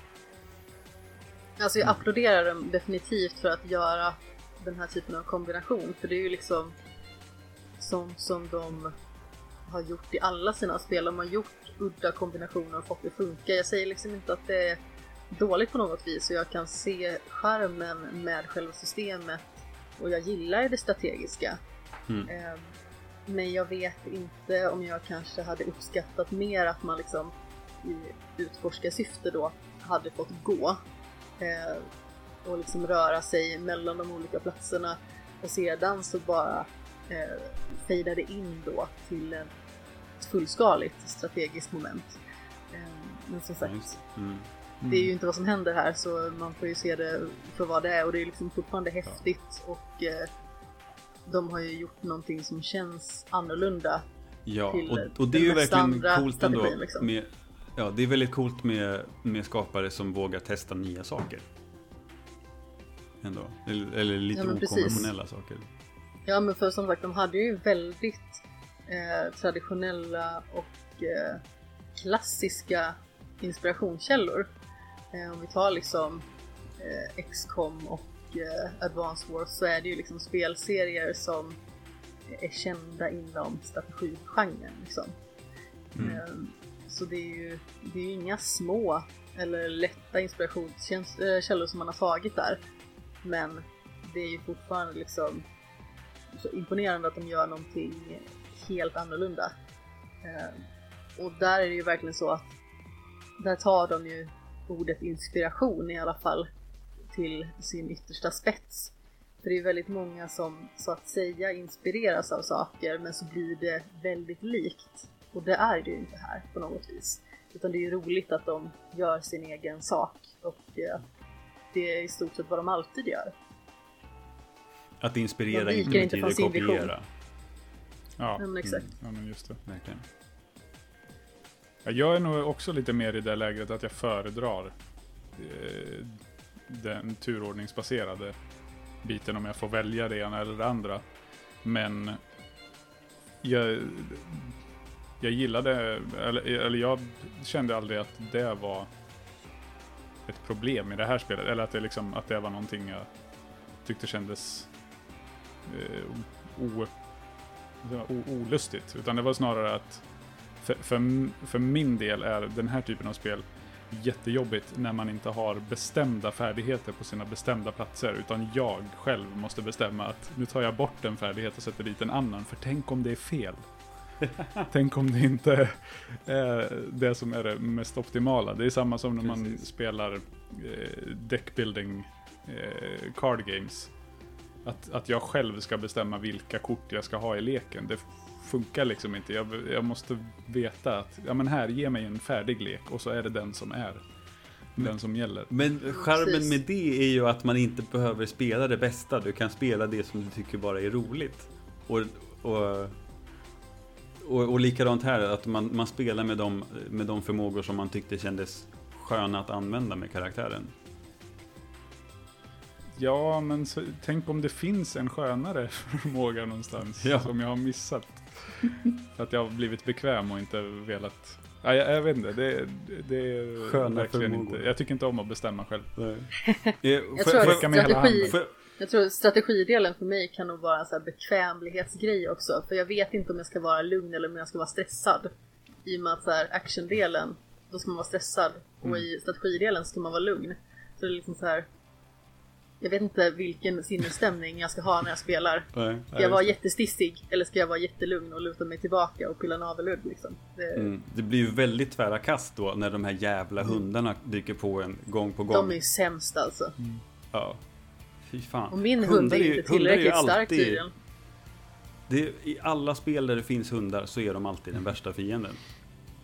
En, ända, sen, Ja. eh, ända sen första Resident Evil fram till idag så är det, det är en sanning som är sann känner jag. Eh, Men, Usch. men jag måste fråga, de här funktionerna som man kunde välja själva då. Eh, Ja. eh, Experimenterade ni mycket? Eller tog ni ett spår och körde på det rakt igenom? Hur, hur gjorde ni? Alltså man hittar ju saker som man favoriserar någonstans. Det brukar ju oftast bli så. Eh, Det är ju samma sak om jag spelar till exempel ett Fire Emblem-spel. Då finns det ju eh, vissa förmågor hos vissa karaktärer som jag alltså, uppskattar mer. Eh, och vissa sorters karaktärer som jag uppskattar mer. För att de kanske är bättre på att attackera på håll och så vidare. Eh, just i det här fallet så gillade jag att ha Jaunt heter den va? När man liksom, det är som en dash i mångt och mycket. Eh, för att det liksom effektiviserar min färd. Eh, och det kan också göra att när man är ute på själva kartan och rör sig fritt så kan man ta sig över vissa ställen och sådär och göra det smidigare. Eh, sen så tror jag att jag körde nog ganska mycket Breach när eh, Mm. jag hade den och inte den liksom var överbelastad då. För det är också en grej i spelet att när du så att säga förlorar ett liv, för det är ju nästan som att man har då fyra liv i ett. Eh, Så när man eh, förlorar all sin hälsa på sin mätare, då förlorar man också en attack temporärt. Och senare så kan man gå till en terminal då och få tillbaka sin attack. När den liksom har då laddats upp på nytt, när inte den är överbelastad längre. Ehm, Men så... Jag försökte egentligen att ha alltså, mycket offensivt med mig. För att jag blev väldigt stressad av tanken att okej, tänk om jag nu är sämst och eh, förlorar flera av mina attacker och så står jag där och kan bara dasha. Mm. Vad gör jag då? Precis. Men... Eh, ehm, oj, nu tappade jag tråden helt. Skitsamma. Säg- det ni, ni ska säga. All right. Eh, jag, jag kan ju säga, Jaunt hade jag ju från början också, he, i hela spelet. På samma knapp, eh, på motsvarande cirkel på Playstation, för att det är där jag dodgar i, i Dark Souls eller andra spel som jag gillar. Eh, så den ville jag ha på precis det stället. Eh, ganska tidigt, så, eller i mitten av spelet ungefär, så hittar man en, en funktion som gör att man kan göra kopior av sig själv. Så den satte jag på, på dash-grejen så att om jag under strid hoppade iväg någonstans så blev det en kopia av mig på kartan som fienden attackerade. Eh, och, sen, och sen så la jag i princip alltid allt krut på en och samma attack utöver det. Eh, alltså så jag la, la, la mycket, många stora funktioner för att göra en, en stark attack som var det jag attackerade med. Tills jag till slut då märkte att när man dör så, så blir man av med översta attacken och det, hade ingen attack kvar. Det hände mig vid ett tillfälle. Ja. Men för det var det jag skulle fråga. Hur väljer den vilka... Vet ni det? Ja, i, Det kan nog vara den som på har varit mest va? På iPaden var det den som, så började den uppifrån och ner. För jag hade ju en stående rad med de här. Ja. Eh, Men den antar att- ordningen kan du väl ändra själv? Ja, precis. Men, men det var ju i Ja. den ordningen som jag hade satt dem, uppifrån och ner, som det försvann. För det testade jag och jag hade, den tog bort samma attack. Eh, jag bytte plats på den. För att jag tänkte att ja, men den här vill jag inte ska ryka först, för jag behöver den. Mm. Och då bytte jag plats på den och då var det den som rök ändå. Hade du, had, kan- hade du en eh, defensiv grej ovanför då, den saken då, eller till vänster om? För det tar den inte först, nämligen. Märkte jag. Hade, tror hade, jag jag, inte. hade jag Jaunt överst så tog den nästa under den. Jag körde inte så defensivt överhuvudtaget. Nej. Så, Nej. ja, jag vet inte. Jag, Var den... jag, jag, jag, jag, jag körde med den här split-attacken. Den som delade till flera attacker. Och så la jag till att den skulle ha större explosionsradie så att den skulle räcka längre. Och den körde Ja, du, du kastar en bomb. Ja, ja, man- ja, man, Ja. man kastar bomb som delar sig till flera så att det blir som en kedjereaktion mellan alla fiender. Som jag tyckte var det allra smartaste och mest effektiva så kunde jag jättemycket skada och spelet laggade jättemycket när jag hade skjutit 3-4 gånger för att det studsade överallt på hela skärmen. Eh, och jag tyckte jag var så himla smart som hade kommit på det bästa sättet att spela tills jag kom till The Spine, den här stora monsterbossen i mitten på spelet. Eh, och det fanns ingenting att studsa på. Så jag gjorde typ ingen skada överhuvudtaget. Och jag kom ner till liksom, den sista attacken och då hade jag bara ping. Som gjorde nästan ingen skada alls. Eh, och lyckades, lyckades jab-grejen. ja, o- Ja. ouppgraderad. Men jag lyckades besegra Spine med det liksom. Det var den sista 5% kvar. Eh, Jag tyckte Spine var oväntat lätt. Alltså jag fruktade för mitt liv när jag liksom Ja. såg den här äckliga taggen som där slog mig om och om igen när jag försökte gå på olika ställen och sen så kom jag fram till den och bara åh nej, ok- okej, jag kommer att dö och hjälp och eh, vad ska jag Mhm. göra nu? Sen bara jaha, det var ju inte så farligt. Då hade så- du nog bättre valda funktioner än vad jag hade. Ja. Jag hade så himla mycket offensivt och sen så hade jag, eh, vilket jag också ofta hade, eh, i synnerhet då om eh, min dash-funktion liksom då var överbelastad, vilket den blev ibland. Eh, då hade jag väldigt ofta transistors variant av osynlighetsmanteln liksom. Eh, så då var det ganska effektivt att man eh, antingen var osynlig från början, vilket oftast genererar fler poäng då. Och sen så kunde det ibland vara att jag la mina attacker och sen så fort som jag kunde så kutade jag iväg och gjorde mig osynlig så att inte min fiende kunde se mig. Och då väntade jag liksom på att min eh, fokusmätare då skulle laddas upp i min osynlighet. Smart. Visst. Jag är en Och det blev ett fegis. till Jag gör allt jag kan. Ja, men, och, och det här gillar jag, gillar jag verkligen med det här spelet, att det går att spela på så många olika sätt. Eh, eh, på, men på, på ett vis som det inte hade varit om det var, du har de här fyra grundattackerna. Eh, att välja mellan och sen ska du bara uppleva storyn. Utan de har, de har med stor variation i det också. Inblandat i det. Eh, jag, jag hade nog tyckt lika mycket om spelet ändå, även om man bara hade fyra grundgrejer. Men, men det är ändå kul att det finns eh, omspelbarhet, omspelningsvärde. Mm. Ja, de gör ju egentligen sin egen variant där av eh, att man, nu återgår jag väldigt ofta till Fire Emblem för det är det strategispel jag har spelat mest, men att Mm. ett vapen liksom går sönder. Det är liksom deras egen variant av det. Att du har liksom en, en viss mätare på hur mycket du kan använda ett visst vapen och eh, då fimpas det liksom ifall det skulle gå åt pipsvängen. Mm. Det närmaste jag kommer det är nog Breath of the Wild.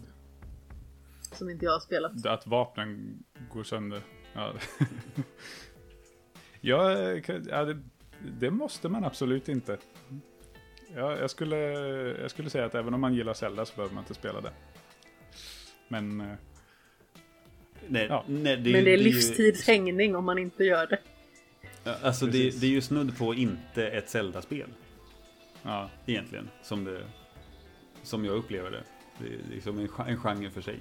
Men det Mm. pratar vi inte om idag utförligt. Utan nu går vi vidare. Jajamän. Ja. ja, det är så himla lätt att sväva ut. Är vi, Det är bra att du håller oss på banan. Jag får försöka. Ja, jag ber om ursäkt, det är definitivt Nej. jag som eh, startar igång det där. Det, det är jättekul att prata om eh, nörderier i allmänhet och att eh, spåna in, spana in på andra möjliga grejer också. Så att det, vi är gärna med. Men eh, Och det är inte bara du. Det är vi är jättebra på vi också. ja, Vi är faktiskt Det- också bra det- på att spåra ur. jättebra på vi. Tycker du också att det börjar bli sent nu David? Ska vi gå vidare till manus? Är vi nöjda med spelmekanik? Nej, nej, det skulle jag nog inte säga att Nej, jag ja, är. ja, ja, förlåt. Eh, Jag vill veta hur mycket ni har använt era limiters. De här eh, små eh, chippen som man sätter dit för att göra det svårare för sig själv. Mm. Typ. Och, och på så sätt få mer experience. Mm. Eller erfarenhetspoäng. Jag, jag använder det... Har jag förstått det som. Ja, ja, men precis. Jag använde det lite i början tills jag insåg att jag inte brydde mig om jag kom upp i level eller inte. Eh, och jag ville, ville hellre eh, kunna ta mig igenom spelet och, och få se hur det slutar. För att jag var lite orolig för att jag inte skulle hinna bli klar. Vi, vi har ju bokat om det här inspelningstillfället en gång. Eh, Mm. Och till förra gången så var jag inte helt säker på om jag skulle hinna. Så jag har inte använt några limiters. Eh, möjligen något man skulle kunna testa i Nytt Spel Plus. Eh, i Hey. omspelningen av spelet. Kanske. Mm. Men eh, jag, jag använder det inte. Gjorde du det Amanda? Nej, inte vidare mycket. Jag var väl lite på samma nivå där att det kändes liksom inte så jätteväsentligt att eh, gå upp till liksom en ny nivå i det här spelet. Inte som många andra spel där man liksom kämpar som en gammal gnu liksom för att Mm. få varenda liten poäng man bara kan sno åt sig. Och det var liksom inte på samma sätt här utan det kändes som att eh, själva resan är nästan det viktigaste. Mm. Absolut. Jag tror jag hade två som, eller jag, ett tag hade jag tre. Men det var innan jag fattade att det var negativt för mig. så jag bara gick omkring på dem där och, då, och, och så de här de här små sakerna, nu har jag glömt vad de eh, heter, som dyker upp när man har dödat en fiende. Power cells? grej som börjar, ti- ja, Celler. som, precis, som börjar ticka. Ja, som börjar ticka ner. Och de, jag hade satt dit en grej så att de tickade ner fortare. Ah. Eller det jag hade bara liksom, ja men den, så, här, så det, blir, det blir säkert bra. Och så hade jag, så märkte jag sen att det här blev jättemycket svårare. Det Ja. kom nya fiender hela tiden. Fan, jag hade en, en limiter där de fick en sköld. Så att du var tvungen Mm. att attackera dem innan du kunde plocka upp dem. Men när man har gjort sin tur så kan du ju inte attackera på typ 5 sekunder för att du inte har laddat upp din mätare igen. Så då sprang jag runt bland de här jävla bollarna och kunde inte plocka upp dem. Det är Ja. också skitstörigt. Det- Innan det- jag det känns fattade vad det- dumt det var. Ja. Det känns som att det är mycket så, eh, för jag har skrivit det vid ett par tillfällen, att jag fattar inte riktigt hur, jag, alltså hur spelet funkar. För det är väldigt mycket saker som kastas på en och som inte förklaras. Att det är liksom, här, här är lite förmågor, här är lite, här är nya fiender och man får inte riktigt veta vad är det för attackmönster, vad kan jag göra, vad, hur funkar limiters och lite sådär. Utan det är väldigt mycket trial and error. Ja men känns, det rakt känns som att det är ganska mycket så här datanörderi-lingo som inte jag fattar så jag känner mig som ett jon när jag spelar vissa, vissa segment liksom. Ja men eh, du tänker på just det, i, i spelet var de olika eh, eller hur, hur, hur Men förmågorna alltså förklaras? benämningen av vissa eller? saker eller den typen av... Eh, Mm, mm. alltså i själva texten i sig som man får till sig så kan det vara väldigt mycket så här datanörderi inslängt på, på olika Ja. ställen. Och eh, det fattar inte jag för att eh, jag är Nej. en estetperson snarare än en teknikperson. Så jag känner mig som Ja. en tönt och eh, förvirrad. Ja men bara, bara det att fienderna är processer. Liksom, jag, Mm. det, det tog ett långt tag innan jag fattade att jaha, okej, det, är- det, det är någon slags digitala varelser. Det är, liksom, det är virtuellt, Mm. typ. Ja, ja, okej, vi släpper det. Liksom. Du Men att, jobbar med data? det är lite den nivån. ja. Ja, den får vi nog alla skriva under på tror jag. Det är inte riktigt fatta dataspråk. Nej, precis. Uh, nej, men jag säger, och en, sista liten grej om just det här, för jag får inte riktigt eh, Eh, om just spelmekaniken, för jag känner inte att jag riktigt fick grepp heller om när det funkade att stå bakom skydd. Det kändes som att det bara funkade tillfälligt, även när de inte blev sönderskjutna. Eh, att det, att det fanns liksom inget sätt att försvara sig. Och när det räknades som att jag var bakom ett skydd och inte, för ibland så stod jag, tyckte jag, så att jag var, hade fritt och skulle skjuta på en fiende och träffade väggen som då råkade liksom, att jag råkade skjuta i väggen även fast det inte såg ut som att det var där jag siktade. Så det var, det var lite sådana saker som jag hade problem med också. Lite konstiga hitboxes ibland. Ja, Mm. var det något ni upplevde? Ja, Absolut. ibland. Jag kände ja. ibland liksom att det var så här att man stod precis bredvid en fiende och bara varför vill du inte dö? Mm. Det var Ja, ja, jätteförvirrande visst. på vissa Ja, ställen. el- eller man, eller man eh, gjorde som du var inne på David, man försöker träffa flera fiender i en linje. Och Mm. så här, ja men jag kan träffa de här två som står liksom, det är tre stycken i raden. Nu träffar jag de där två och linjen går igenom alla tre. Men jag kan bara få till att träffa två av dem. Liksom, Oavsett vilka två det blir så blir det aldrig alla tre fast attacken verkligen går rakt igenom. Ja, och sen så smyger ju tiden igång också. Man kastar sig liksom inte in i den aggressiva realtiden utan den liksom så här sakteliga smyger sig igång.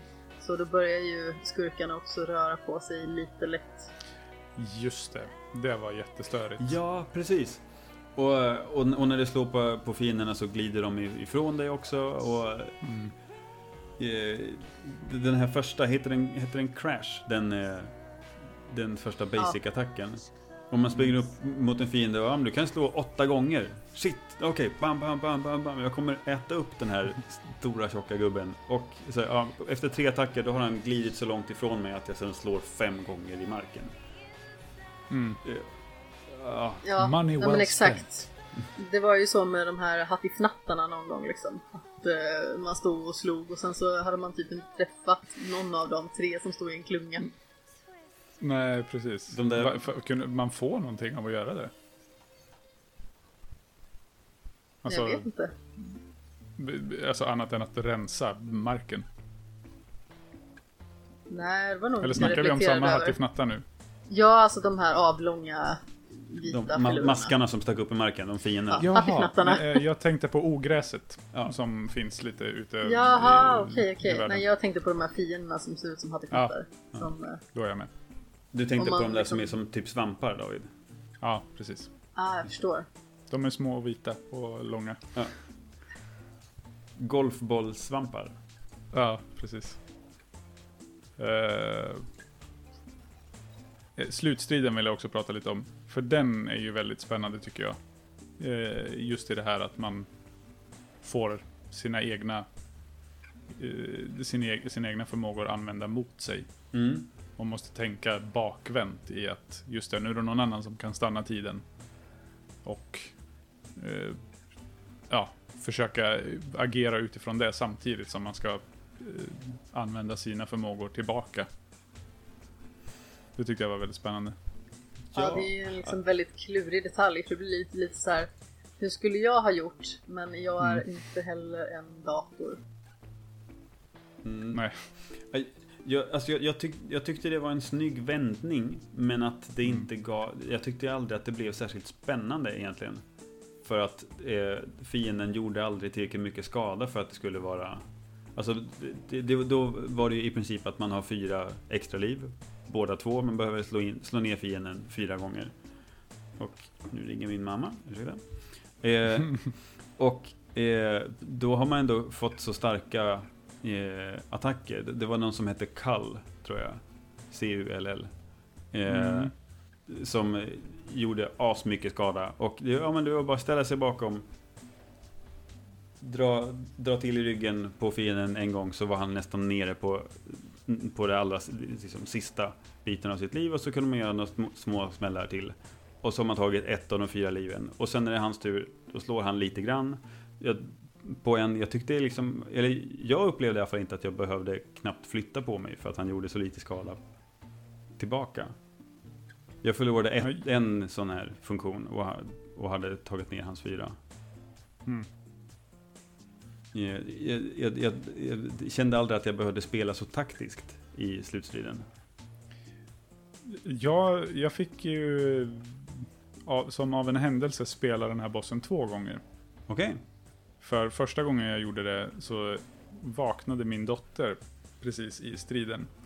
Eh, så jag fick stänga av.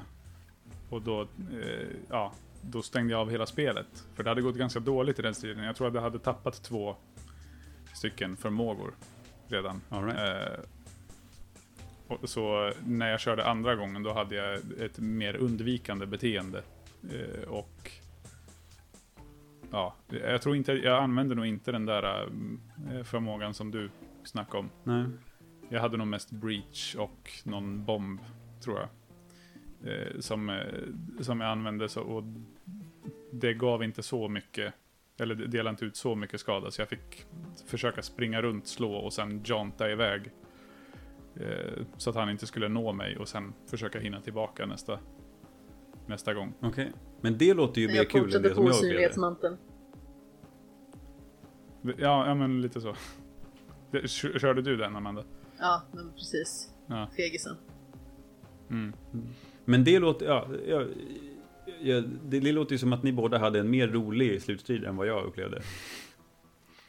Du, du tog fram för starkt artilleri när du gick in. Ja, men, ja, ja, men jag tyckte inte att det var så spännande. Liksom. Men, Mm. Ja, jag är alltid rädd att allting kommer ge mig på nöten. För jag är så plågsamt medveten om hur dålig jag är på tv-spel. Så eh, jag fruktar alltid det värsta. ja, det är väl en bra Det- inställning i och för sig. Det är en hälsosam inställning. Känner vi oss eh, nöjda med mekaniken där Ja, men det tycker jag. så kan vi tölta in på manus.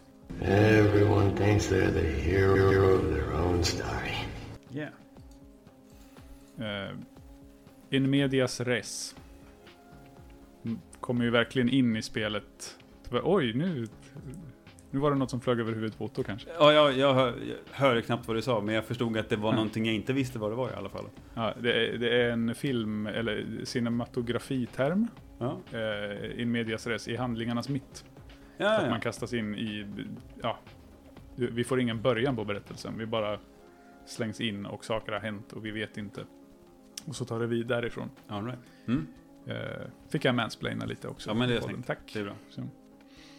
Eh, och det gillade jag väldigt mycket. Mm. Att man blev ju väldigt, eller jag blev väldigt, väldigt nyfiken på vad, vem är Red? Vem är snubben? Vad är grejen med svärdet? Och det är väl precis det de är ute efter också. Tänker jag när de gör så här. Ja men precis, tog- och berättelsen kommer ju i kappen eh, ju mer man Mm. spelar, om man ska säga. Det tog väldigt lång Mm. tid för mig innan jag fattade att mannen som man drog ut svärdet ur var medvetandet i svärdet. Mm. Det, det tog lång tid innan den poletten trillade ner faktiskt. Mm, jag tror inte jag heller greppade det så jättetidigt. Nej. Jag tror att det var den här tredje gången jag började spela spelet som jag fattade det. Men alltså det har ju bara varit liksom någon timme här och någon timme där i de andra försöken till Mm. genomspelningar. Men här kände jag liksom att aha, naturligtvis är det ju så. Mm. Ja. Ja. Ja, för man, får ju, man samlar ju upp, det förklaras väl inte riktigt vad jag vet, men att svärdet suger upp själen hos den man dödar. Eller Ja, någon, men någon något i den stilen ja. Spelar in en, kanske. Eller eh, liksom, vad säger man, capture. Det, det fångar eh, en bild av personen som eh, har dödats med det. ja, precis. Fångar medvetandet på något sätt. Ja. Och det är ju som i alla Absorberar tror jag funktionerna. att eh, de uttryckte det. Eller vad säga. Mm. Så. Det låter väl mer sympatiskt i och för sig. Eh, ja men, men att absorbera medvetandet, det är ju även de här funktionerna man, man plockar på sig. Mm.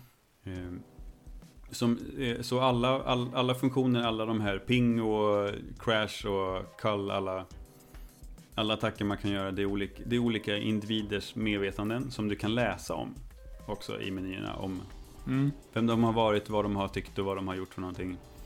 Och man kan låsa upp mer och mer information om dem om man använder dem på olika positioner. Lekte ni någonting med det? Nej. Nej? Du, Jag var ganska du- du- dålig på det också faktiskt.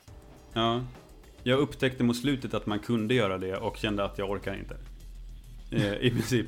Men, ja, nej, för lite, för lite ork att lägga på att ta reda på allt om karaktärerna. Men jag, hade gärna velat veta mer. Men ju, man kan ju använda alla, alla funktioner på tre olika sätt. Du kan ha dem som aktiva. Du kan ha dem som supporting till en aktiv funktion. Alltså att Mm. ja, men, förstärka attacken hos en, hos en funktion. Eller du kan använda den passivt. Och då ska du använda, ja, jag vet inte om det är en strid eller om det är flera stycken, så ska du ha använt en funktion i varje, i, varje, som, som varje funktion. varje, ja, passiv eller aktiv eller Mm. support. Eh, så får du mer information om de här personerna. Det märkte inte jag. Men det är väl också en sån där grej som man måste upptäcka själv. Absolut, det är ju det. Som Återigen. Inte, Mm. Sånt som inte förklaras för en. Jag har fått till mig tidigare att spelet ska vara liksom ganska så kryptiskt och eh, ganska öppet liksom för tolkning och sådär. Eh, så jag tänkte mig kanske inte att det skulle vara så mycket läsa som det faktiskt var. Så jag reflekterade liksom inte så jättemycket över det initialt och sen så var jag nog kanske lite för lat. Mm. Ja men det känns som att det, det finns verkligen mycket man kan Mycket historia att ta del av om man vill Om man är sugen på det. Och annars Mm. så kan man ta till det här det, det som berättas och det som man upplever I själva speldelen av spelet. Och att då kan det få räcka om man är nöjd där. Ja men precis, men alltså Supergiant Games har ju liksom en, en tendens att eh, vara väldigt bra på alltså, mervärde. Att det finns en möjlighet att förkovra sig otroligt mycket.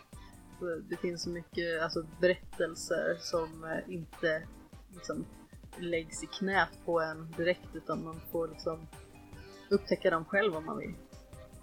Mhm. Och sånt känner jag mig väldigt kluven till. Jag vill ju väldigt gärna ha, liksom här är den, tyck så här om det här. Upplev det här. Inte så här, ja vad tyckte du?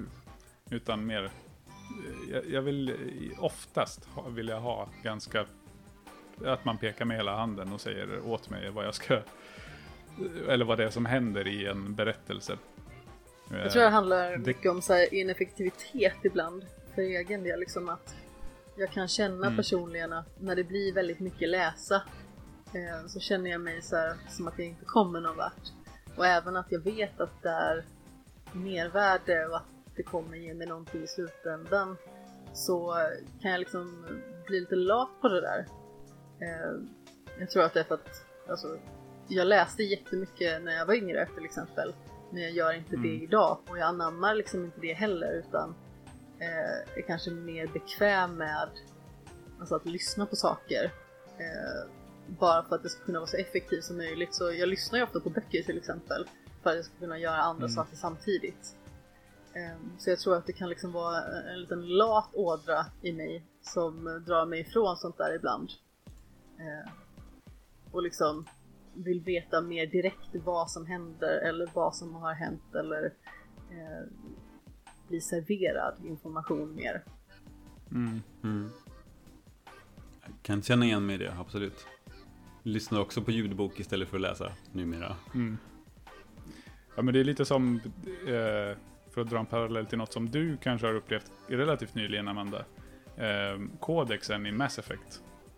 Ah, Det är ju en sån där grej som jag känner att det här skulle jag kunna läsa igenom från början till slut, från perm till perm. Allting som sägs om alla raser, om alla platser, om allting. Men jag kommer inte göra det för jag orkar inte läsa så där mycket. Eh, och det kan man ju få uppläst också, men det är ju ändå, då måste du ju aktivt sitta och klicka på varje liten eh, del i den här eh, jätte, jättelånga listan. digitala boken. Ja, Ja, ja men precis. Och så i det här arkivet eller vad man ska säga. mm, Eh, Och då blir det också att då måste du aktivt lyssna. Det går liksom inte att gå runt och samla saker eller döda saker under tiden utan då är det lyssna som du ska göra. mm. Eh, Så det kan jag absolut förstå. Men vissa grejer är Jag tvivlar så för... spännande som man kan inte låta bli. Men det är väl mer för att Ja, Mass Effect lär dig väldigt mycket om världen hela tiden. Mm. Eh, oavsett om man, om man vill det eller inte. Eh, så då blir det liksom att, ja men den här grejen, den måste jag ju kolla mer på. Mm. Men för lite liknande funkar ju de här, eh, där man kan läsa om de här olika karaktärerna inne i eh, för, bl- bland förmågorna. att då får du sitta och exakt. läsa en liten text själv. Och sen klicka vidare till nästa, läsa den. Och samma med terminalerna också. Som också ger lite eh, information om, om världen. Att man, man Men- måste aktivt läsa allting. Men de tyckte jag ändå var mer intressant. För att, för att det, det gav en tydligare bild av, av världen tyckte jag än, än när man läste om karaktärerna. Jag orkade inte läsa om den här, den här personen eh, levde på att göra det här. Jag, jag, jag tyckte det blev tråkigt. Jag ville, vill, jag var för otålig. Ville komma till större bilden av samhället. Jag orkade inte titta på individen. Nej, just det. Terminalerna var också lite mer begränsade kändes det som. Det kändes som att ja, du har den här skärmen och det här händer och du får göra det här valet eller du får kommentera. Eh, och sedan så var man klar där. Det kändes som Ja, att sen kommer du gå vidare. I rätt dit liksom. Absolut. Valde ni någonsin att inte trycka på knappen på en terminal? Alltså där det står typ kommentera eller submit eller vad det nu är för någonting. Nej, man vill ju se vad Red skriver för någonting. Skriver. Skriv, ja, Igen. Red. Man vill ju se vad tjejen skriver. Ja. Röda. Det där har jag Gick haft du, jätteproblem med. Vad sa du? Nej, jag frågade hur du gjorde om du... Men jag vill också gång. veta vad, vad som hände om man tryckte Mm. på knappen. Eh, bara säga att det där med Screever har jag haft jätteproblem med när jag har läst in manus till eh, mina rymdäventyr. För att då blir det ju mycket det. att man säger mycket engelska uttryck och sedan så är det ju liksom väldigt eh, strikt svenska i övrigt. Mm. Så då blir det ju liksom att man ska försöka säga någonting med en engelsk klang och sen hoppa direkt över till svenska. Då blir det liksom ett, eh, ett bräkande nästan. När jag har pratat med Garrus går jag till Leara och... Ja, Liara är jätteproblem, alltid. Liara. Leara? Eh, vi... nu, förs- Och ja, just det. nu vill jag styra oss rätt igen. För att, Ja, det är bra. eh, men... Eh, handlingen som, eh, som vi kan sammanfatta den i alla fall. Är, är ju alltså att Red har eh, på något sätt eh, fått rösten stulen från sig av det här kameratan. Eh, de här fyra onda individerna eh, som på något sätt vill förändra staden. Eh, man- det blir inte jättetydligt förklarat, men hon, men i alla fall Red och den här mannen som hamnar i Transistor, man får inte veta vad han heter, eh, blir...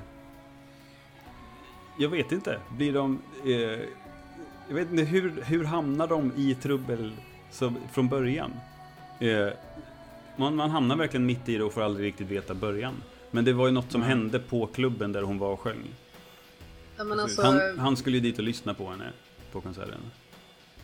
Jag för mig att det är som så att den här Sybil som man stöter på är eh, kär i Red. Och att det liksom är något form av drama den vägen. Okej. Hon tillhör ju eh, skurkarna. Mm, Så jag har för ja, mig precis. att det är på så vis som han blir avrättad. För att hon då vill ha henne för sig själv. Ah. Är Sybil den allra första som ligger Första bossen. död? Det är en boss. Aha. Sybil är, är den där hon, där hon sjunger. I Jag har för mig att jag save you, läst det här någonstans om inte annat. Eh, Mm, ja. Ni där ute får gärna rätta mig om jag har fel. Men Mm. eh, jag har för mig att det är någonting i den stilen. Jag, jag har skrivit längst ner här efter mina anteckningar på manusdelen. Har jättesvårt att återberätta eller förklara vad som har hänt. Så Ja. jag är väldigt glad att åtminstone eh, du Otto verkar ha försökt eh, make a sense. Ja, men, ja, men jag vill, vill försöka ändå. För, för att det är ändå en ganska intressant plott. Man undrar ju vad fan det är som händer. Mm. För att eh, i, i sitt försök att förändra eller förbättra världen. De, de, de säger ju själva att de bara värnar om staden egentligen, kameratan. Eh, Som alla Eh. skurkar gör. Ja, precis. Mm. Eh, typiskt skurkstreck. Eh, men eh, de, de, vill, de vill värna om staden och har eh, skapat det här vapnet, transistorn, för att kunna styra processen, vad nu det är för någonting. Och det får man inte heller förklarat. Men den här processen börjar av någon anledning löpa amok och äter upp hela stan i princip. De eh, förändrar den bit för bit och, och utgår från det här, eh, som jag förstår det, från det tornet där de håller till. Eh, Grant och Brackett. Grant, Asher. Grant och Asher. Ja.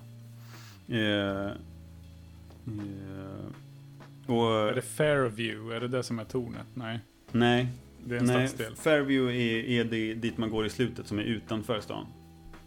Som det inte Aha. finns en bro till, men vi skapar det med transistorn av processen. Eh, men det, det heter Bracket Towers, där de är högst upp.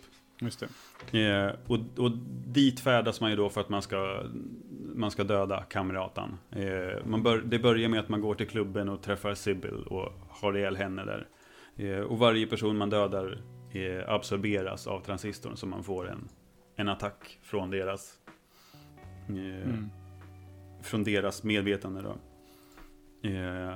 Och på vägen upp till tornet så blir man förföljd av den här The Spine of the World, den asstora feta masken, eller vad det nu är. Eh, som eh, blir någon slags antagonist en stund och blir ju, blir ju lite frontfigur för den här hemska processen. Eh, Det förklaras inte riktigt om det är en del av det, men man, jag antar att det måste ju också vara en del av processen. Eh, Ja. Eh, Och sen när man, när man väl kommer in i, i, i högsta tornet så har Grant och Asher tagit livet av sig. För att de har misslyckats och så får man backtracka hela vägen ner från tornet och ut i stan igen. Och det är då man upp, upptäcker att hela stan har blivit förvandlad till att bli vit. Att den, de gör om det till en, ett rent blad. Helt enkelt. Och, och, man, och då kan man också läsa på terminalerna att 98 eller om det är 99% av befolkningen har, har dött. Eller, eller, av, eller om det är av staden som har uppslukats av processen. Och till slut så kommer man ut till, vad hette den sista karaktären nu då? Royce. Visst var det det? Mm. Eh, i, i, Det är han eh, som är slutstriden. Precis, ute i Fairview där de har hållit till och skapat den här processen. Det är där de har gjort sina experiment. Eh, Han och Grant, som tydligen, Grant var tydligen den riktiga visionären. eh, Som de beskriver det. Och eh, man kommer ut dit och blir konfronterad av Royce och han stupar till slut. Eh, och så slutar det med att man kommer tillbaka till, till hamnen där, eh, där det börjar. Eh, Till liket. vad heter det nu då? Media... In medias res. In medias res? På, eh, på flytande närkingska. Ja. In medias res. Där börjar vi. Och... Eh, Kam- kameratan. ja, där börjar vi och slutar.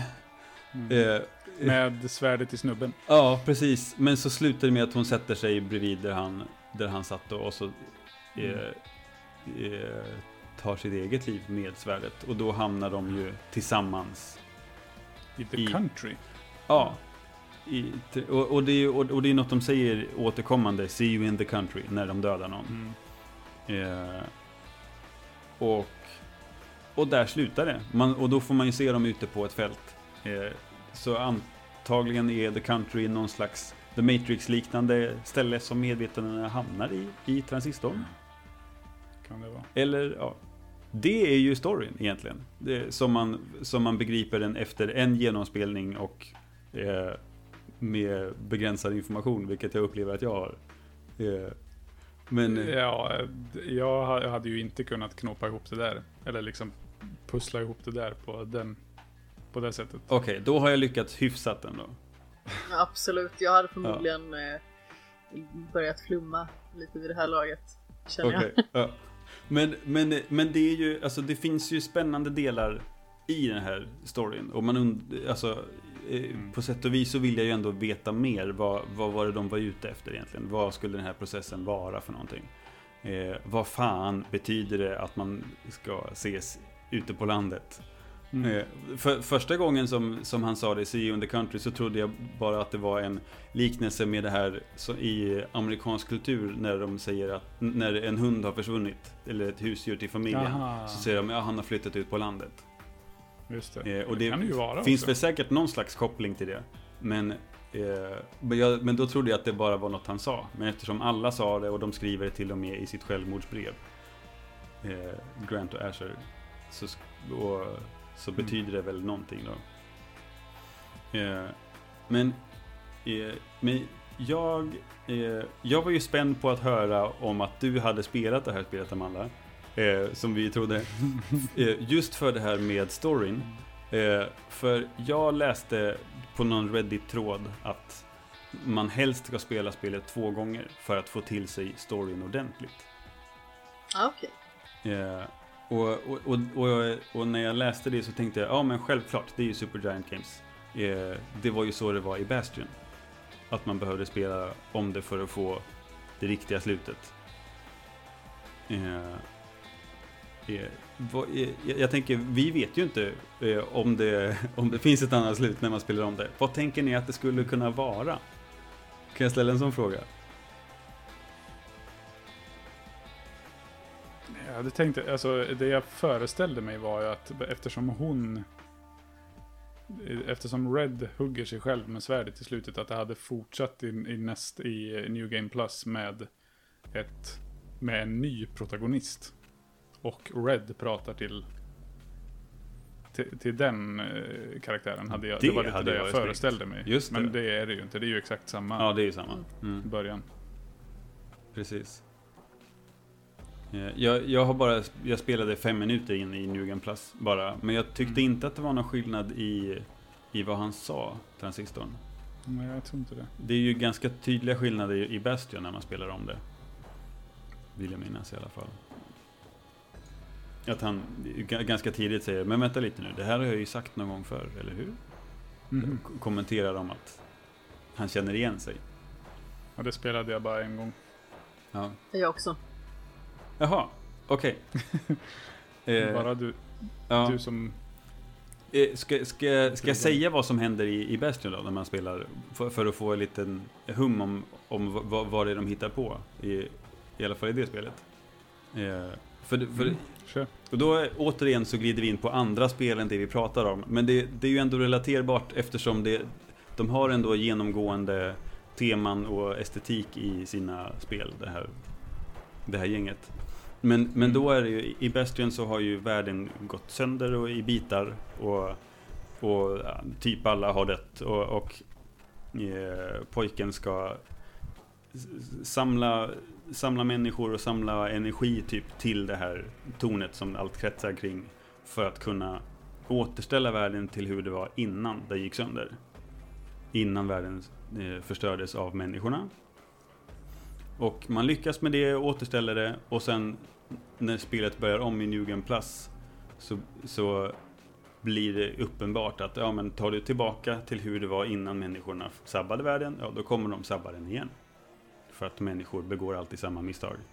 Eh, och så kommer man till slutet och kan då välja att inte sätta ihop världen igen utan då, då har vi fuckat det och det får vara som det är och så försöker vi leva vidare istället. Leva med våra misstag. Okej.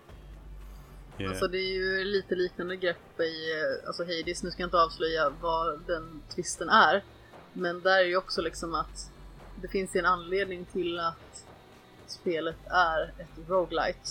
Och Ja. när man liksom kommer till slutet eh, då ska man ju bland annat eh, klå Hades typ nio gånger till eller någonting sånt. Eh, alltså det låter ju jättemycket med en runda kanske är typ en halvtimme när det går bra liksom. mm. Eh, Men då får man liksom det så att säga riktiga slutet till slut. Eh, och när man då har klarat spelet första gången då blir det väldigt uppenbart att här finns det jättemycket att jobba med. De har gjort det superspännande. Och eh, just det här att man liksom ska fly från helvetet får liksom en helt ny eh, syn på sig egentligen. Mm.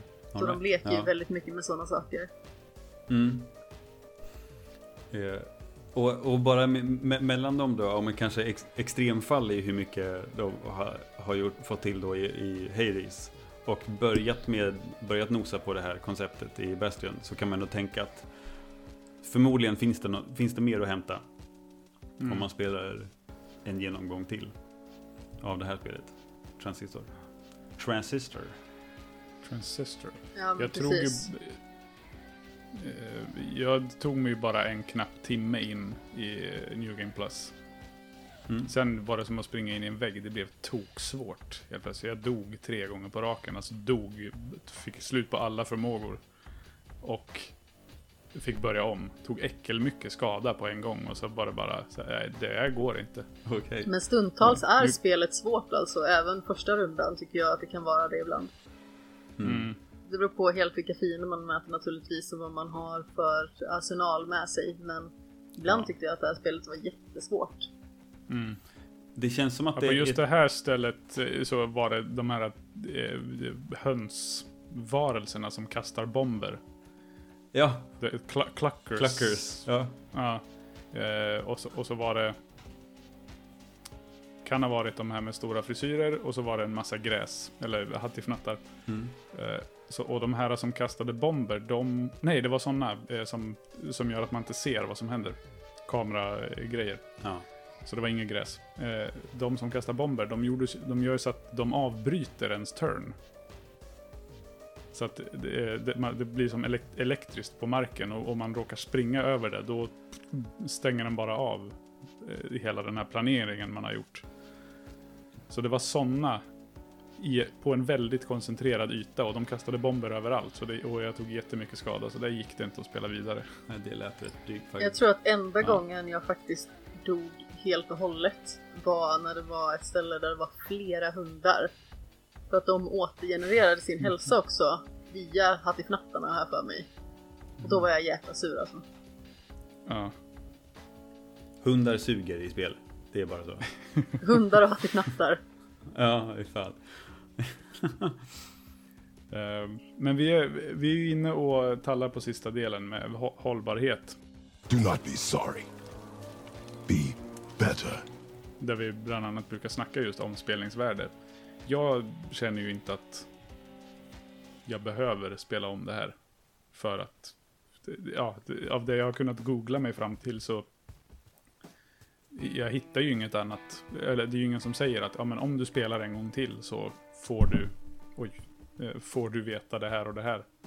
Eller ja, något sånt. Det är ju bara den här Reddit-tråden som du har hittat Otto, där, det- som antyder att det skulle vara något nytt. Ja, det kan ju lika gärna ha varit ett troll som vill få folk att eh, sl- slösa bort 10 timmar till av sitt liv och spela Ja. om spelet.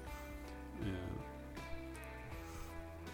Ja, ja, men jag, jag skulle gärna spela om det. Eh, det. Det är det här med, med att känna att man har ro och tid för det.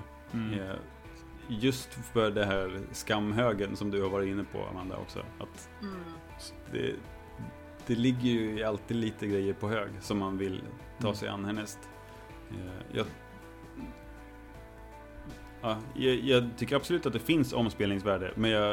Eh, men in, inte så pass mycket att jag tänker att man måste spela det fler gånger. Men jag vet ju heller inte eh, vad som händer Nej. om man spelar en andra gång.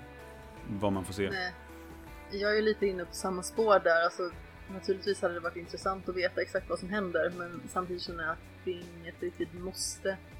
Och eh, jag är en sån person som, i och med att jag inte har spelat dedikerat så jättelänge, alltså det är längre än vad det känns som, eh, så känner jag att jag är alltid lite efter alla andra med allting. Eh, det känns som att alla har mer möjlighet än vad jag har att vara mer aktuella. Så är det förmodligen inte. Men det är liksom den känslan jag har och även att jag liksom har skrivit och recenserat spel i snart sex år så känner jag fortfarande mig som en nybörjare för att det känns som att jag alltid är lite efter alla andra. Eh, och det Okej. kan vara lite så frustrerande. Men det är väl också lite, eh, tänka, ett, att du, du är väl relativt ny i spel som aktivt intresse eh, svängen eller vad man ska säga. Alltså att utöva det på det sättet som du gör nu. Ja, men precis. Alltså, jag har ju spelat i min barndom, men jag såg ju liksom inte det som ett intresse där jag benämnde mig själv som någon som spelar tv-spel. Utan Mm. det var lite spel här på datorn, det var lite spel där på Gameboyen. Flera år av The Sims till exempel, eller alltså, sällskapsspel där man skriker på varandra. Alltså sådant. Men eh, det var liksom inte förrän ja, slutet av 2012, början på 2013 där som jag faktiskt började gräva ner mig i saker och började bygga den här skämshögen faktiskt. Mm. Eh, Så det är där någonstans den startar och eh, jag började beta av det som jag då tyckte kändes mest väsentligt och eh, hamnade ändå lite efter med sådana grejer som var hyfsat aktuella och tog det lite senare. Men som sagt, det känns som att jag alltid är takten efter på något vis i relation till de flesta. Den känslan delar vi ska jag säga. Jaså? Ja, verkligen. Eh, All, alla är vi nog lite efter. Mm. Ja, men jag, jag, jag ty tycker liksom det, det känns snudd på omöjligt att hålla sig helt ajour med Mm. vilka spel som är, med det- det som släpps och vilka spel som är Åh, inne. flera franska ord. Kul. Jag, jag passade på. Ja. Glad att du Ja, märkte det. precis. Nej men alltså, alla har väl sina skämspel eller liksom sånt som man inte har hunnit ta sig an eller eh, sånt som man har velat spela men kanske inte haft förutsättningar för helt enkelt. Eh, Mm. Men Mm. om vi kollar på min sambo till exempel som också skriver om spel och pratar om spel. Så han är mycket bättre också på att vara effektiv i sitt spelande. Han börjar spela ett spel så ger han inte upp på det för han vet att han kommer inte plocka upp det igen. Jag kan ju vara helt hopplös på det där och liksom hoppa mellan spel och då vet jag hur lätt det är att tappa det. Eh, Så det blir ju liksom att jag gör mig själv en otjänst i många lägen också. Som med Transistor som liksom är tredje gången jag försöker mig på. Samma sak med Mass Effect. Det är liksom spel som jag har påbörjat, velat ta mig igenom för att jag vet att jag kommer uppskatta det. Eh, Men sedan så eh, typ ger jag mig själv ett krokben. Mm. Mm. Precis. B- Bara en sån sak som att sitta ner och anteckna när man spelar. För att man ska göra en podd om det eller att man ska göra flera poddar om samma spel. Det, Tar tid. ja. Ja, och som också verkligen kan ta en ur inlevelsen av spelet. Mm. Det, det, det behöver inte vara särskilt mycket anteckningar man gör heller. Men bara det att man inte går direkt vidare i nästa del. Å andra sidan kan det vara ganska skönt också att faktiskt aktivt reflektera över det. Men eh, det är lite dubbelt. Upplever Mm. jag det som i alla fall. I det här fallet tyckte jag nog nästan att det var skönt att ha anteckningarna. Att stanna upp och göra, för det hjälpte mig att hantera att det inte var så jätteroligt eh, ändå. Eh, jag tänker att vi kanske ska ja, bara försöka komma till någon slags slutlig, slutligt konstaterande tillsammans om vad vi tänker om det här spelet. Does this unit have a soul? jag kände ganska mycket att jag satt lite och väntade på när blir det riktigt, riktigt bra, det här spelet. Och det blev aldrig det för mig. Det var, det var okej, och eller det var bra, eh, liksom stora bitar, men det blev aldrig fantastiskt på det sättet jag hoppades. Är jag ensam i att tycka så, eller har ni... Jag kan nog skriva under på det ändå. Eh, Mm tycker också att det, det, ja men det, det, kom aldrig, det kom aldrig några stora episka eh, strider eller händelser. Det, liksom, det, det var det här, det, det som de lyckas bra med, lyckas de ju förjävligt bra med. Och det, är, och det är hur det ser ut och hur det låter och stämningen i spelet. Eh, och sen så har de ett intressant system i, och, och intressant kontroll och spelmekanik. Men som inte riktigt räcker för att få, att, få det att kännas kul också.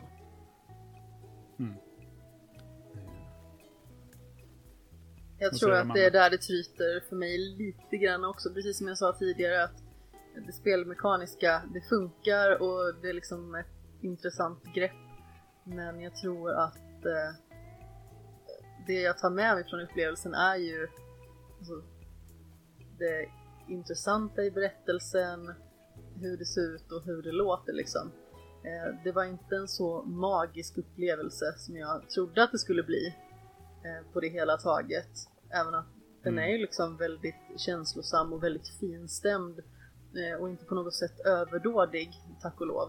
För det finns ju rätt mycket av sådant och det känns som att de lyckas väldigt bra med den balansen liksom i hur eh, det estetiska vävs samman liksom med berättelsen och att det liksom inte blir så här överdriven dramatik utan att det liksom håller sig på en eh, lite mer eh, mollig nivå eller vad man ska säga. Alltså,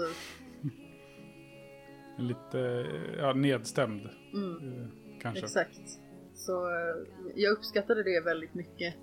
Men eh, precis som jag kände tidigare så jag hade gärna velat kunna bara dra mig igenom den här upplevelsen och vilja känna att så jag måste bara se vad som händer härnäst. Att jag liksom inte kunde Mm. slita mig ifrån det. Eh, och så kände jag inte riktigt. Trots att jag tyckte att det var liksom så vackert och Mm. så finstämt. Ehm, det var ingenting som så aktivt drog mig framåt. Och jag kände liksom ibland att jag var tvungen att eh, pausa och bara så här spela några drag i grindstone eller någonting bara för att så här lätta lite på trycket i hjärnan eller vad man ska säga. Mm. Men, men där, där får jag fråga, ni tyckte aldrig ens i slutet när man tog sig ut i Fairview mm, i den här knarkiga katedralen och man gick i taket och, och följde den här rösten till Royce och skulle få veta liksom hur, hur, man, ska, hur man skulle rädda staden. Ni, ni var inte engagerade ens då? Jo, alltså engagerad var man ju. Alltså, det var inte det att man var oengagerad utan det var liksom mer att i vissa spel så känner man liksom att jag kan inte stanna förrän jag får se, se hur det här slutar. Så kan man känna man sitter där halv två på natten och bara okej jag ska upp klockan sex imorgon, jag behöver gå och lägga mig. Så drar man sig från spelet ändå. Eh, det var liksom inte riktigt det här. Eh, så det är klart jag vill veta vad som händer men det kändes som att jag hade inte bråttom. Nej, det var inte som det här när man läser en bok och inte kan lägga ner den. Ja men precis, när det känns som att den typ har klistrat fast sig i händerna på en. Ja. Det här är mer det här, man, man läser en kvart innan man går och lägger sig för att man har bestämt sig för att göra det. Mm. Den Ja, typen av lite bok. Aj. så. Jag eh, skulle väl kunna säga att jag inte riktigt var engagerad på det sättet. Eller jag... Så pass långt in i spelet så kände jag att jag kommer inte få en förklaring. Jag vill, jag vill ha, jag vill förstå, jag vill veta mer, jag vill få en förklaring om allt som händer, men spelet kommer inte ge mig det. Jag kommer inte liksom, jag kommer få eh, sy ihop min egen uppfattning om vad det är som, eller liksom lägga mina egna pusselbitar till väldigt mycket av det här. Så vid det skedet kände jag att, nej men, nu vill jag egentligen bara nå slutet så att det blir färdigt. Tyvärr. Mm. Eh, för jag hade inte fått veta så pass mycket om vare sig karaktärer eller världen för att riktigt anknyta. Det var lite för fragmentariskt för min del. Mm. Ja, det kanske Så- inte var tillräckligt abstrakt liksom. För att det skulle vara extremt öppet för tolkning. Men det berättade inte Mm. tillräckligt för dig. Kanske. Nej men precis, om man, tar, man kan ta Journey som exempel. Att det är ju jätte, jätte abstrakt i jämförelse. Och det är ju också väldigt, baser, eller som bygger väldigt mycket på just estetiken och det visuella eh, och musiken. Kanske mer än regelrätt gameplay. Och har ju inte en jättetydlig berättelse på det sättet, men jag njöt ändå mer av det. För att, alltså, det var, så, det var precis så pass abstrakt att jag inte behövde liksom förstå det, utan bara mer uppskatta vad det var jag såg. Fast där får du ändå en skapelseberättelse berättad för dig som ger dig ett sammanhang till världen som man saknar i det här. Mm, jag kan säkert ha fått någon sån. Man, man, man får ju ändå inblick i de här de, de, de ljusa varelserna med, med Mm. kapporna och, och var de här ormarna kommer ifrån och att de har liksom ställt till besvär och att det funnits en civilisation. Och då, du får ändå lite bakgrund kring, kring Mm. miljöerna du rör dig i. Vilket ju i, i princip inte finns här. Det enda man får känslan av är att ah, det är som ett, det är som ett, framtids, ett framtida neon noir New York. Typ. Mm. Ja men det precis. var en Jag, jag tror att skillnaden med. Journey är väl kanske att där yttras inte ett enda ord eller skrivs inte en enda textrad liksom. Nej. Och här, Nej, och är här pratas det väldigt ju- mycket fast utan att man berättar något. Lite så. Mm. Det, ja, men det, det är liksom inte berättelsen där, eller backstoryn är ju så pass, den är så pass mycket i periferin att det inte gör någonting om du missar den. Eller det är, liksom, det, det är tydligt att den är inte där för att det här ska du förstå för att uppskatta. Eh, Nej, visst. Så jag hade velat bli lite mer skriven på näsan i det här, Mm. känner jag. Sen om man ska dra paralleller mellan det här och Journey så båda avslutningarna liksom i spelet om man säger så är ju faktiskt oerhört vackra i sig själva. Det är den, Absolut. verkligen. Mm. Och, och, alltså, och det, det konstnärliga i det här spelet går ju liksom inte att, att eh, skriva av. Utan det är, ju, det är ju ett jättevackert spel. Visuellt och, och audiellt. Eh, men, men, vad, men slutbetyg, blir det som ett, ett starkt meh? Eller vad landar vi på? Oj. Nu har vi ju inte en skala så det är ju svårt att gå vidare över, över ett starkt meh. Vad kommer efter det? Men Ska vi ha ett med, ett jippi eller ett... Ja, Vi får återkomma Nej, det- till det, vad vår skala ska Ja. bestå av. precis. Ja. Jag, är- jag är ändå glad att vi har spelat det. Jag, Mm. eh, och jag gillade storyn när jag väl lyckades ta den till mig. Mm. nå- eh, och då, har jag, och då har som ni har fått höra, så har jag ju ändå inte fullt grepp om den. Och det hade väl ingen av oss. Liksom. Alltså jag gillade verkligen spelet men jag känner också att man lika gärna hade kunnat ta bort själva alltså stridsbiten. Mm. Jag tycker att det Absolut. är kul att vara aktiv i ett spel. Eh, och att använda svärd är ju någonting av det finaste som finns. Men eh, jag kände att det behövdes nästan inte. Jag hade gärna Nej. fått Nej. berättelsen eh, på ett annat vis. Och fortfarande liksom ha alltså, samma estetik fullt ut och samma berättelse och samma vaghet hade funkat också. Eh, men jag tycker att striderna gör inte så jättemycket för spelet. Nej, och Nej. eft- eftersom ändå hälften av det här kamratan eh, gänget hade tagit livet av sig också när man hittar dem. Så liksom, ja, men då, då behövde man ändå inte slåss där. Då kunde man lika gärna ha sluppit det de- vid de andra två De personerna gjorde jobbet också. åt en. Ja, ja men precis. Det hade lika gärna kunnat vara så att alla, var, alla är döda när man kommer fram. Eller det händer något annat som gör att det inte behövs strider. Så hade man ändå kunnat Mm. bara promenera genom stan och få, få storyn ändå. Mm. Just det. Eller se efter spelet, eller ja, bara se resultatet av det hemska som har hänt innan. Ja, precis. Så kan man ha en knapp för att nynna och det är det enda som hade behövts. Åh, det, det har vi inte alls pratat om. Den här stranden man kommer till. Med badbollen. Ja, Badboll, med ja, badbollen och hunden och Ja. hängmattan. Och... det är Jag ju hoppades så den... länge att badbollen skulle vara en trofé så jag stod och slog på den hur länge som helst. Ja, jag med. Jag, jag gjorde 111 stycken spark på det, men sen så tröttnade jag. Ja. Eh. Oj, det var ändå mer än jag. Jag gav upp i 30 tror jag. Okej, ja, jag tänkte 100 borde det vara. Ja, Okej, men vi prövar 111 för det skulle kunna vara att det är kul. Ja, men, eh, ja. men man, man hittar en dörr som heter Backdoor. Eh, och så kommer man ut till en, en artificiell strand. Och man kan göra lite, eh, lite utmaningar. Man kan gosa med en hund, lyssna på musik, kasta boll. Och man kan ligga i en hängmatta och fundera över vad som händer just då. Och det var väl egentligen det mest relevanta. Att man kunde få lite transistorsnubben då att reflektera över vad som händer. Ja, för de här eh, trials-grejerna med att man gör saker på tid eller på så få drag som möjligt eller vad det nu kan ha varit. Att det, det var ju bara förlänga den delen av spelet som inte var så jätterolig egentligen. ja.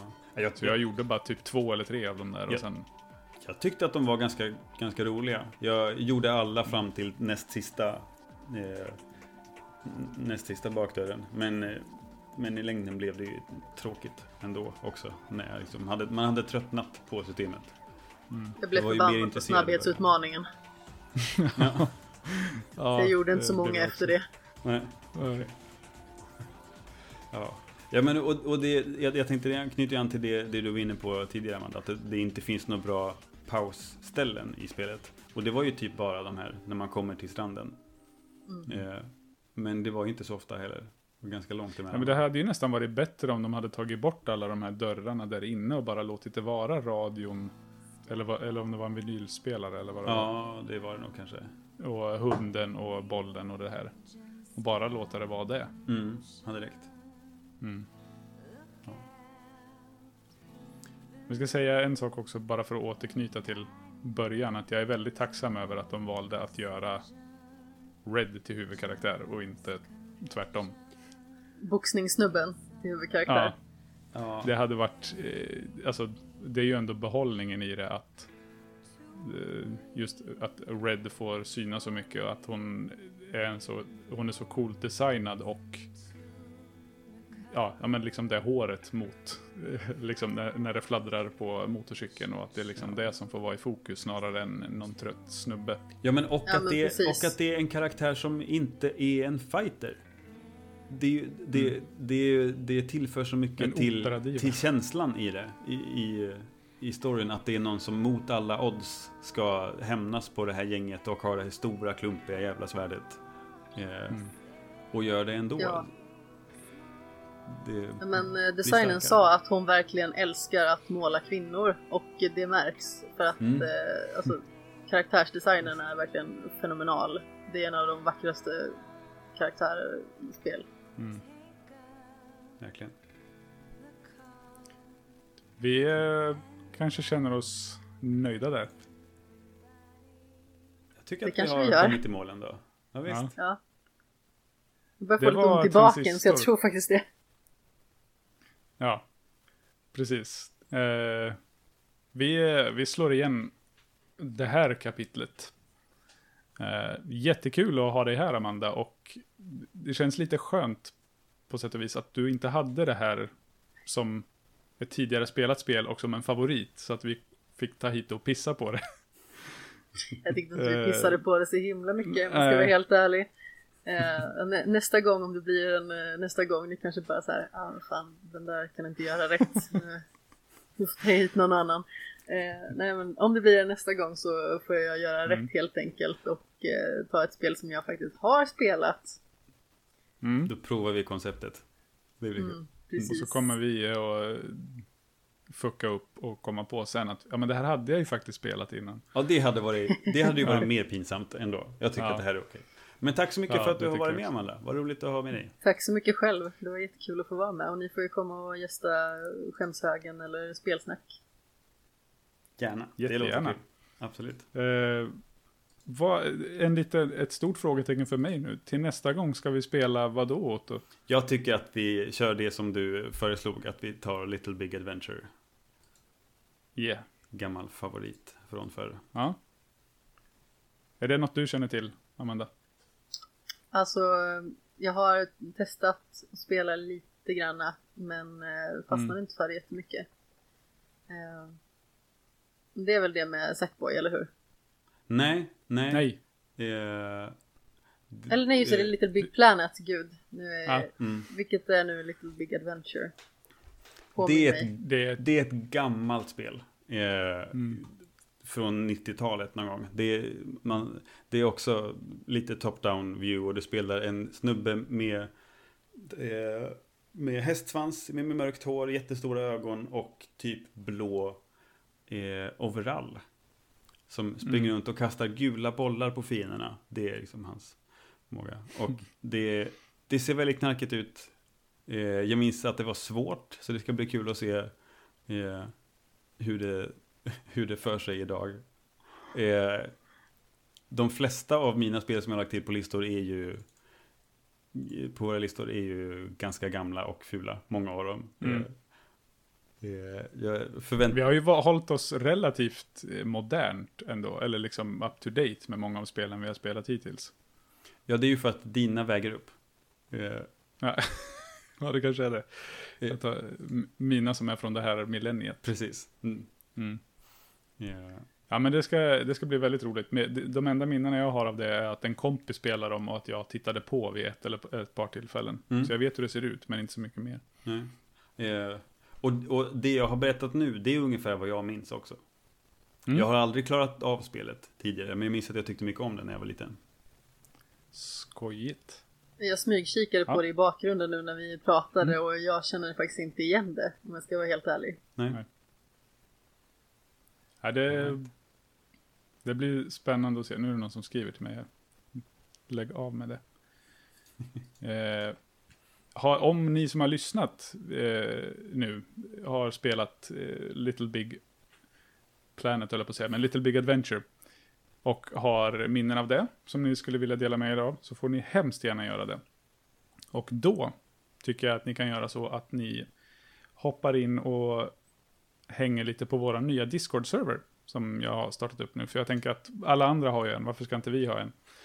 Eh, och det kanske är ett lite lättare sätt för de flesta att slentrian kommentera än vad det är på Facebook och Instagram.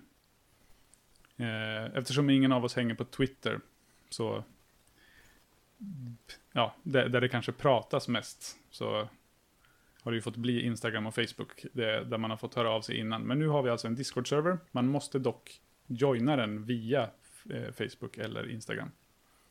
För jag vet inte hur man gör annars. Eh, så det får man hemskt gärna göra.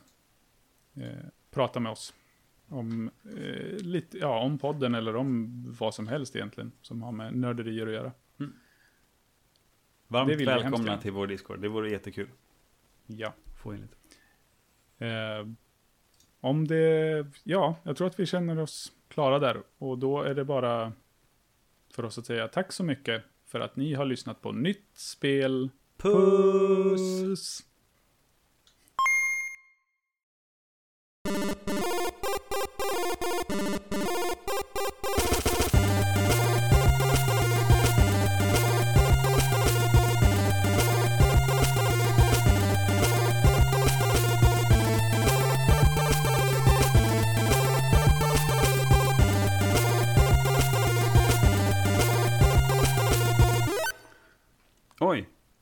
Amanda hör oss inte längre, skriver hon i chatten. Jaha, Det här blev... det var jätte... Jag trodde först att hon skämdes så mycket att hon Ja. inte ville säga något. Ja, vad spännande. Vi får låta inspelningen gå tror jag, det Ja. är lika bra. Eh, så får Amanda Eh, komma in när... Vilket antiklimax. ja, verkligen. Nu vet jag inte... Oj jävlar, nu spiller jag på mig själv. Mm. Nu hör jag er igen. Jag Ja. testade datorn istället. Perfekt, precis. Perfekt när David rapar i mikrofonen. Mm, super. Så. Det är lugnt. Jag gör det jätteofta. Vi får... Eh, jag, jag löser det. I'll fix it in post.